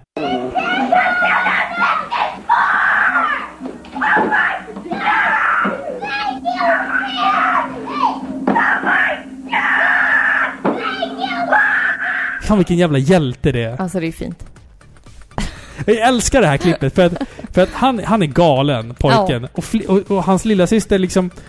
Hon, Försöker haka med hon liksom. försöker haka med. Jag tror inte Ja. hon är lika exalterad. Nej. jag tror inte hon fattar lika hårt. Nej. Liksom, hon Jag tror står... att många kan relatera till det här. Hon är, hon är alltid en mikrosekund efter Ja. i allting han, storebror, säger. Hon är typ jag. Ja. Klassiska backseat-gamen liksom. Woho! Woho! Ett nytt spel! Ja, typ. Ja, okej. Tack så mycket Sven Stick för din kommentar. Vi går vidare till Robin Blomqvist. Han skriver så här. Jag är född 1989 och trots att jag har haft både Nintendo och Super Nintendo så är Nintendo 64 den konsol som ger mig mest nostalgi när jag blickar tillbaka till det härliga och försvunna och ansvarslösa barndomen. En vanlig dag hemma hos mig mellan 1998 och 99 med vännerna kunde innebära timmar av Goldeneye, Diddy Kong Racing och Smash Bros. Det var alltid samma bråk om vem som skulle ha den bästa kontrollen Ja, ja. och tog någon oddjob i, multiplayer, i en multiplayer-match i Goldeneye så blev det bråk. Så, bråk, så brakade helvetet lös, skriver han här. Det är exakt det vi har pratat om. Det är kul att alla har samma anekdoter kring den här jävla konsolen. ja. Jag var för övrigt en väldigt bortskämd unge som fick stora Lego-byggsatser. Minst två stycken Nintendo 64-spel varje födelsedag och julafton. Så jag hade en förmån att uppleva de flesta stora titlarna till konsolen när det begav sig.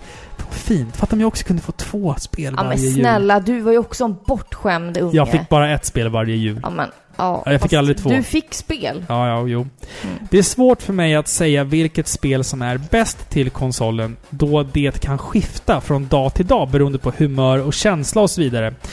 Går jag på ren nostalgi så är det helt klart Zelda och Rain of Time, men som vuxen så har Majora's Mask växt rejält i mina ögon och är förmodligen det spelet jag håller högst av dem.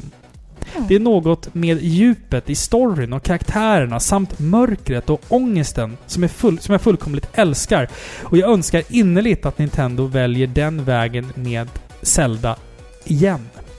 Alltså jag tror att du och jag måste spela Majora's Mask. Ja, det finns ju på 3DS. Man kanske ska ge sig på den. Ja, Kanske. faktiskt. Och köra. Ja, alltså jag, jag tycker ju att eh, Twilight Princess är ganska mycket ångest. Och sådär. Ja, om, man, om man jämför med typ Och vi Wind Waker. gillar ju ångest. Det ligger oss nära till hjärtat. Nej men tack snälla för ditt, ditt eh, inlägg. Ja, Shit. absolut. Det, det, det är alltid roligt med en liten inblick i era barndomar. mm. ja det, det, det, det är sånt vi gillar. Ja, Sånt vi exakt. gillar. David Nilsson skriver Åh, som jag älskade Nintendo 64. Valet av favoritspel är svårt, men det landar ändå i det spel som jag har spelat om flest gånger. The Legend of Zelda och Arena of Time. Jag kommer ihåg att jag satt i skolans datorsal på rasterna och läste de senaste nyheterna och ryktena. Och när spelet väl släpptes så var det något väldigt, väldigt speciellt som fångade mig totalt. På grund av den låga upplösningen och suddiga grafiken på Nintendo 64 så spelas det bäst idag på en konsol där det blivit släppt på nytt genom åren. Eller på en emulator. Ja, jag kan hålla med. Den här Nintendo 64-dimman gör ju sig påmind till och från. Ja, ja. Men eh, just det här att sitta i datasalen. Eh, jag satt ju kvar i min skola. Eh, efter skolan hade stängt och aldrig gått hem satt jag kvar och skrev ut eh, FAQs och guider på spel och häftade och hade liksom ett helt jävla arkiv av det där hemma. För det var innan Vad internet... ambitiöst. Ja, men det var innan internet liksom blev en grej man kunde ha hemma. Så då, ut, Då fick man göra så. Ja, man utnyttjade skolans jävla internet Ja. till max. Och skrev ut eh, guideböcker och bilder som man satt upp i rummet eh, hemma och... Ja, jag hade liksom en hel perm med liksom bilder ifrån Final Fantasy 7. Kommer jag ihåg. Alltså en hel perm med så bilder. Fanart och bilder och allt möjligt. Pixliga Google-bilder. Ja, men typ. Alta Vista-bilder. Ja, Alta Vista. Eller hotboot.com och typ sådana grejer. Det och, låter ju som en och, porrsida. vad hette det? Inte, inte Alta Vista, det fanns någon annan också. Hotboot. Palla Vista fanns det också. Spray. Ja, spray. Jag sprayade bilder. Vi har ett mail här också ifrån Per Hauglund. Det här är ett mail vi fick på norska. Jag har Google translatat det till svenska. Nej. Så att jag ber om ursäkt nu ifall om det är ord som kommer bort. Eller sådär. Utan vi, vi, vi kör på. Och sen så Per, du får mejla oss igen ifall, ifall det blir något fel här. Jag var 12 år gammal. Min mamma, mina två bröder och jag själv hade just flyttat ifrån pappan till min yngsta bror. Livet var verkligen ganska okej som en 12-åring. Jag läste mycket eh, Tolkien och eh, hade just introducerats för Dungeons and Dragons. En kväll satt jag och skrev ett äventyr för min nästa session med Dungeons and Dragons. Men min mamma, hon stormar in i rummet med en stor låda. Vi hade ett Sega Master System och var också en stor del av 8-bitars-generationen. Men hade inte möjlighet att delta i 16-bitars-generationen i mitt hus. Men nu. Det var fredag och min mamma hade gjort ett spontant beslut att köpa ett Nintendo 64 med Mario 64 till oss. Jag släppte allt jag hade i händerna för att kunna springa till TVn och koppla in det. Jag, jag älskar penna och papper-rollspel, men i ärlighetens namn så lockar alltid det nya coola lite mer. Och nu hade jag det för mig själv. Jag spelade tills mina ögon gjorde ont. På fredagen kunde jag spela Mario själv i 3D. Genom åren så samlade jag och mina bröder på oss en hel del spel till maskinen. Att den kunde ha fyra kontroller i kopplade samtidigt var också perfekt för oss tre. Plus en fattig granne. I dessa Smash-pågående dagar så är minnet av Nintendo 64 starkt. Sedan det var det första Smash som jag och mina bröder spelade sönder. Nintendo 64 blir den maskinen som jag har de bästa multiplayer-minnena till med mina bröder. Det var fint. Det var väldigt fint. Jag, jag har som sagt översatt det här via Google då. så att ni får... Ni får du får... Du, Per, ha överseende ha med det. överseende. Jag, Ja. jag är inte så bra på norska. Jag ber så hemskt mycket om ursäkt. Tack så jättemycket. Tack så det är jättemycket. så fint att få, få höra lite barndomsminnen. Det- För det här, ju, det här är ju trots allt en barndomens konsol. Ja, gud ja. Men sen också är det kul att det finns folk som lyssnar på podden som inte bor i Sverige. Vi har ju faktiskt flera lyssnare i Norge, vilket är jättekonstigt. sjukt. Att ni förstår oss, men det, det är väl så. Vi, vi förstår inte er. Men Precis. både danskar och norrmän förstår oss. Ja. Ja. Vi hoppas att vi kan dyka upp på Retrospilmässan någon gång så Ja, får ja. vi väl Det förhoppningsvis springa på varandra. Vi kommer bara nicka. Ja, precis. Vad ni än säger. Akkurat. Det får vi säga. Tyst nu. Tyst nu. Okej. Ja. Tack så mycket. Nästa kommentar kommer från Erik Broberg. Min tveklösa favorit på 64 är Goldeneye. Fick spelet och konsolen som bundle i julklapp och jag minns att jag köpt Med glädje.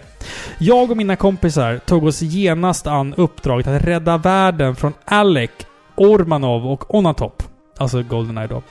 Starkast minne har jag från en regnig höstkväll efter en fotbollsträning då jag och min kompis Christian förtvivlat försökte klara kampanjens sista bana, Antenna. Uppgivet skickades kontrollen mellan oss då vi gång på gång misslyckades. Men till slut satte sig Christian, blundade i hörnet med tummarna hårt hållna då jag äntligen lyckades klara uppdraget. Samtidigt som Alec seglade ner för antennen så brast jag ut ett hejdlöst glädjefnatt som fick min mor att rusa in i mitt rum beredd att avstyra en smärre katastrof. Något jag reflekterade över på senare dagar är att jag ägde att jag bara ägde spelet Goldeneye till 64.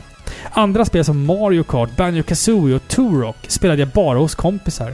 Det är enda konsolen i mitt liv som jag bara har ägt ett spel till och faktiskt varit ganska tillfreds med. Tänk om det alltid vore så. Tack för, en, för ett mysigt och upplyftande program. Ni är guld! Tack så jättemycket Erik. Det är fint skrivet.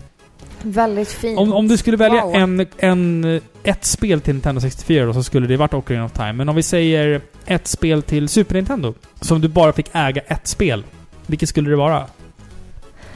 Ja, men då måste det ju vara det som jag gillar allra mest. Ja. Det blir väl typ Yoshi's Island.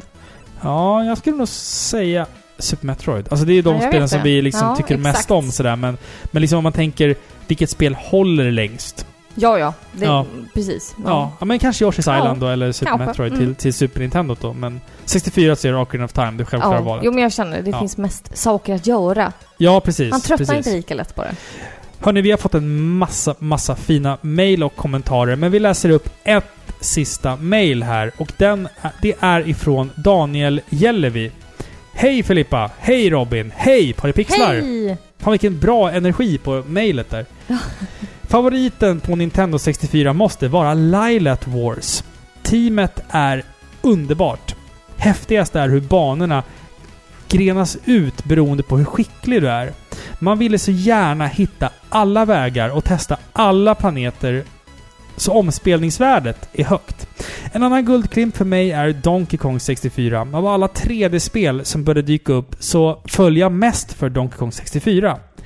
Det är fantastiskt kul att få spela som de olika Kong-karaktärerna. Alla har olika skickligheter, vapen, instrument och där finns uppdateringar. För att öppna upp världar helt så behöver man klara specifika pussel med specifika Kongs. Och det är hur kul som helst. Det roligaste Mario Kart-spelet kom ju också till Nintendo 64.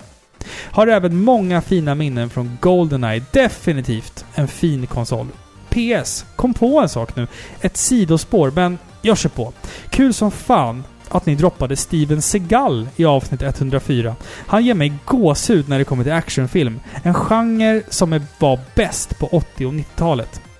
Ni har nämnt att ni gillar mycket skräckfilm och anime, men jag blev nyfiken på om någon av er gillar gammal hederlig action. Stallone, Arnold, Van Damme eller varför inte Seagal? Tusen tack för det ni gör. Jag är en av dem som uppskattar all research ni gör och jag kan säga att jag lärt mig väldigt mycket genom er podcast. Vill också säga att avsnittet om Cyborg 009 var riktigt fint. Jag har ingen koll på den serien men uppskattar avsnittet hur mycket som helst och har faktiskt blivit något sugen på att kolla in serien. Ni är fina, ni är underbara, ni är härliga. Nu börjar texten bli lång. Lätt att bara skriva skriva på, på, på. Tack än en gång för det ni gör. Tack så mycket Daniel. Wow, vilket mail. mail. Tack så jättemycket. Vad tycker Wow. Ah. vi om 90-tals action? Ska, vet du vad vi gör? Vi lovar att under tidigt 2019 göra ett avsnitt med 80 och 90-tals actionfilmer. Vad sägs om det Filippa? Ja, absolut. Du är inte så taggad? Men vi kan snacka Die Hard och sånt. Du är väldigt taggad. Jag Ja. är, jag är skittaggad. Men Filippa, om du ska välja då? Stallone, Arnold, Van Damme eller Seagal? Sylvester Stallone, Arnold Schwarzenegger, Jean-Claude Van Damme eller Steven Seagal? Det finns ju bara en här. Eller nej, Arnold. Arnold. Du säger Arnold. Ja.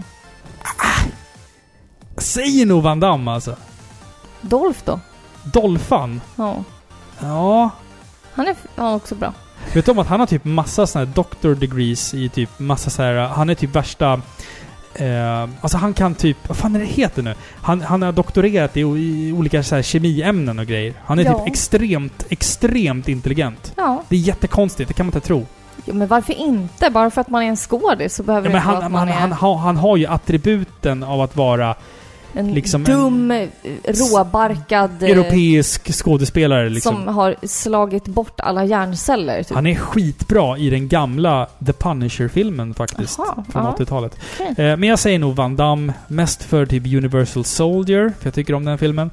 Jag är mer för liksom så lite kampsport. Chuck Norris, Bruce Lee. Chuck Norris. Ja, På, är du på riktigt nu? han är med i den filmen. Okej, men ska vi köra ett 80-90-tals action? Vi ska, vi ska kopiera podcasten 85-95 nästa år. Kanske det. Kanske, okej. Mm. ja, okej. Men jag, jag, jag vill jättegärna det. var- Det hade varit jättekul. Tack så jättemycket för ditt mail. Det betyder jättemycket att du tog dig tid att skriva det här. Absolut. Verkligen. Absolut. Och alltså 009 avsnittet som vi gjorde sist. Vi har nog aldrig fått så mycket respons på ett avsnitt som vi fick. Någonsin. Jag satt i seriöst två dagar och svarade på YouTube-kommentarer, på mail och eh, liksom Facebook och Instagram. Tack så jättemycket till alla som har skrivit till oss. Det betyder liksom dundermycket verkligen. Absolut. det- det- Det är stort det vi gjorde och fan... Okej. Gå in på svenska Wikipedia och kolla Cyber 09. Det, det är fint. Det är, det är någonting, fint. någonting vi har gjort tillsammans du och jag. Och alla, an, och alla andra Cyber 09-fans i Sverige.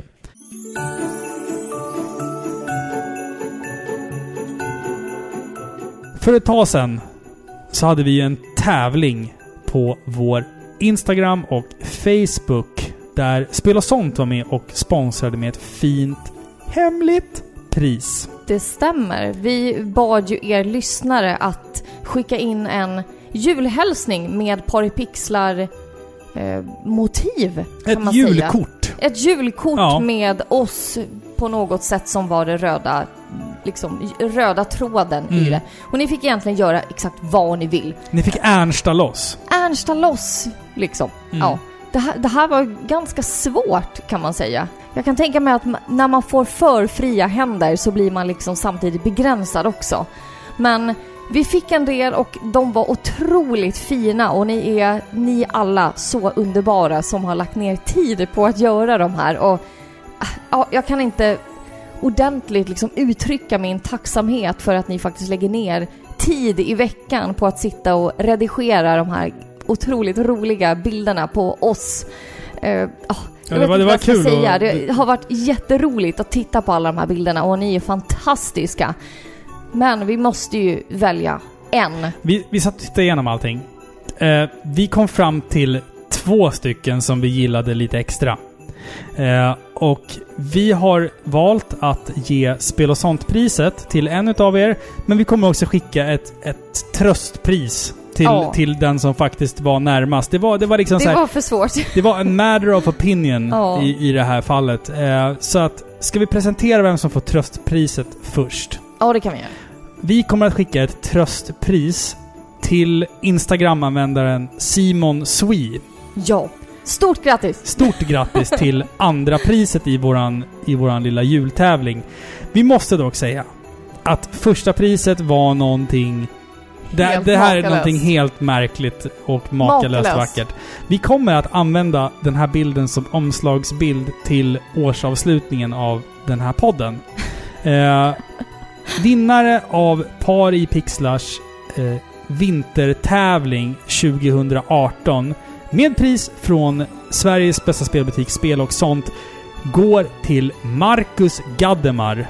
Ja! Alltså, Stort grattis! Stort grattis! Woo, applåder! Woo, yeah, yeah, yeah. Wow, wow, wow. Han har alltså tecknat, eller han har alltså photoshoppat in oss som Cloud Strife och Lara Croft i en liksom tomtesläde som, som dras fram av två stycken T-Rex med laserögon. Alltså det är så episkt! det, är så, det, Det är så coolt! det är så snyggt coolt alltså. Jag, jag typ, Ja. när, när, när, det här... Jag vill ha den på en t-shirt. Ja, typ. jag vill ha det här på en t-shirt också. Jag, jag ser lite inklämd ut som Cloud där. Men, men han fick till dig jävligt bra. Du, du ja, ser liksom... absolut. Fast Du, du ser jävligt bra ut som, Ja. som Lara, Croft. Ja. Eh, så jag tänker att vi använder den här bilden som omslagsbild till årsavslutningen. Vi kommer posta den på Instagram och Du Facebook. ser lite lustig ut med hår. Ja, ja, du är inte van. Du har aldrig sett mig med hår. Liksom. Så Jag att, eh, jag, jag är en skallig människa vanligtvis. Så det är en jättefin bild och vi är superglada och grattis till första priset vi hör av oss. Snarast! Till dig snarast. Så att grattis Marcus. Simon får ett tröstpris. Han kommer vara som, Simon kommer vara som den här pojken i den här uh, lilla Sportspegeln-inslaget när han får testkasta den sista bollen.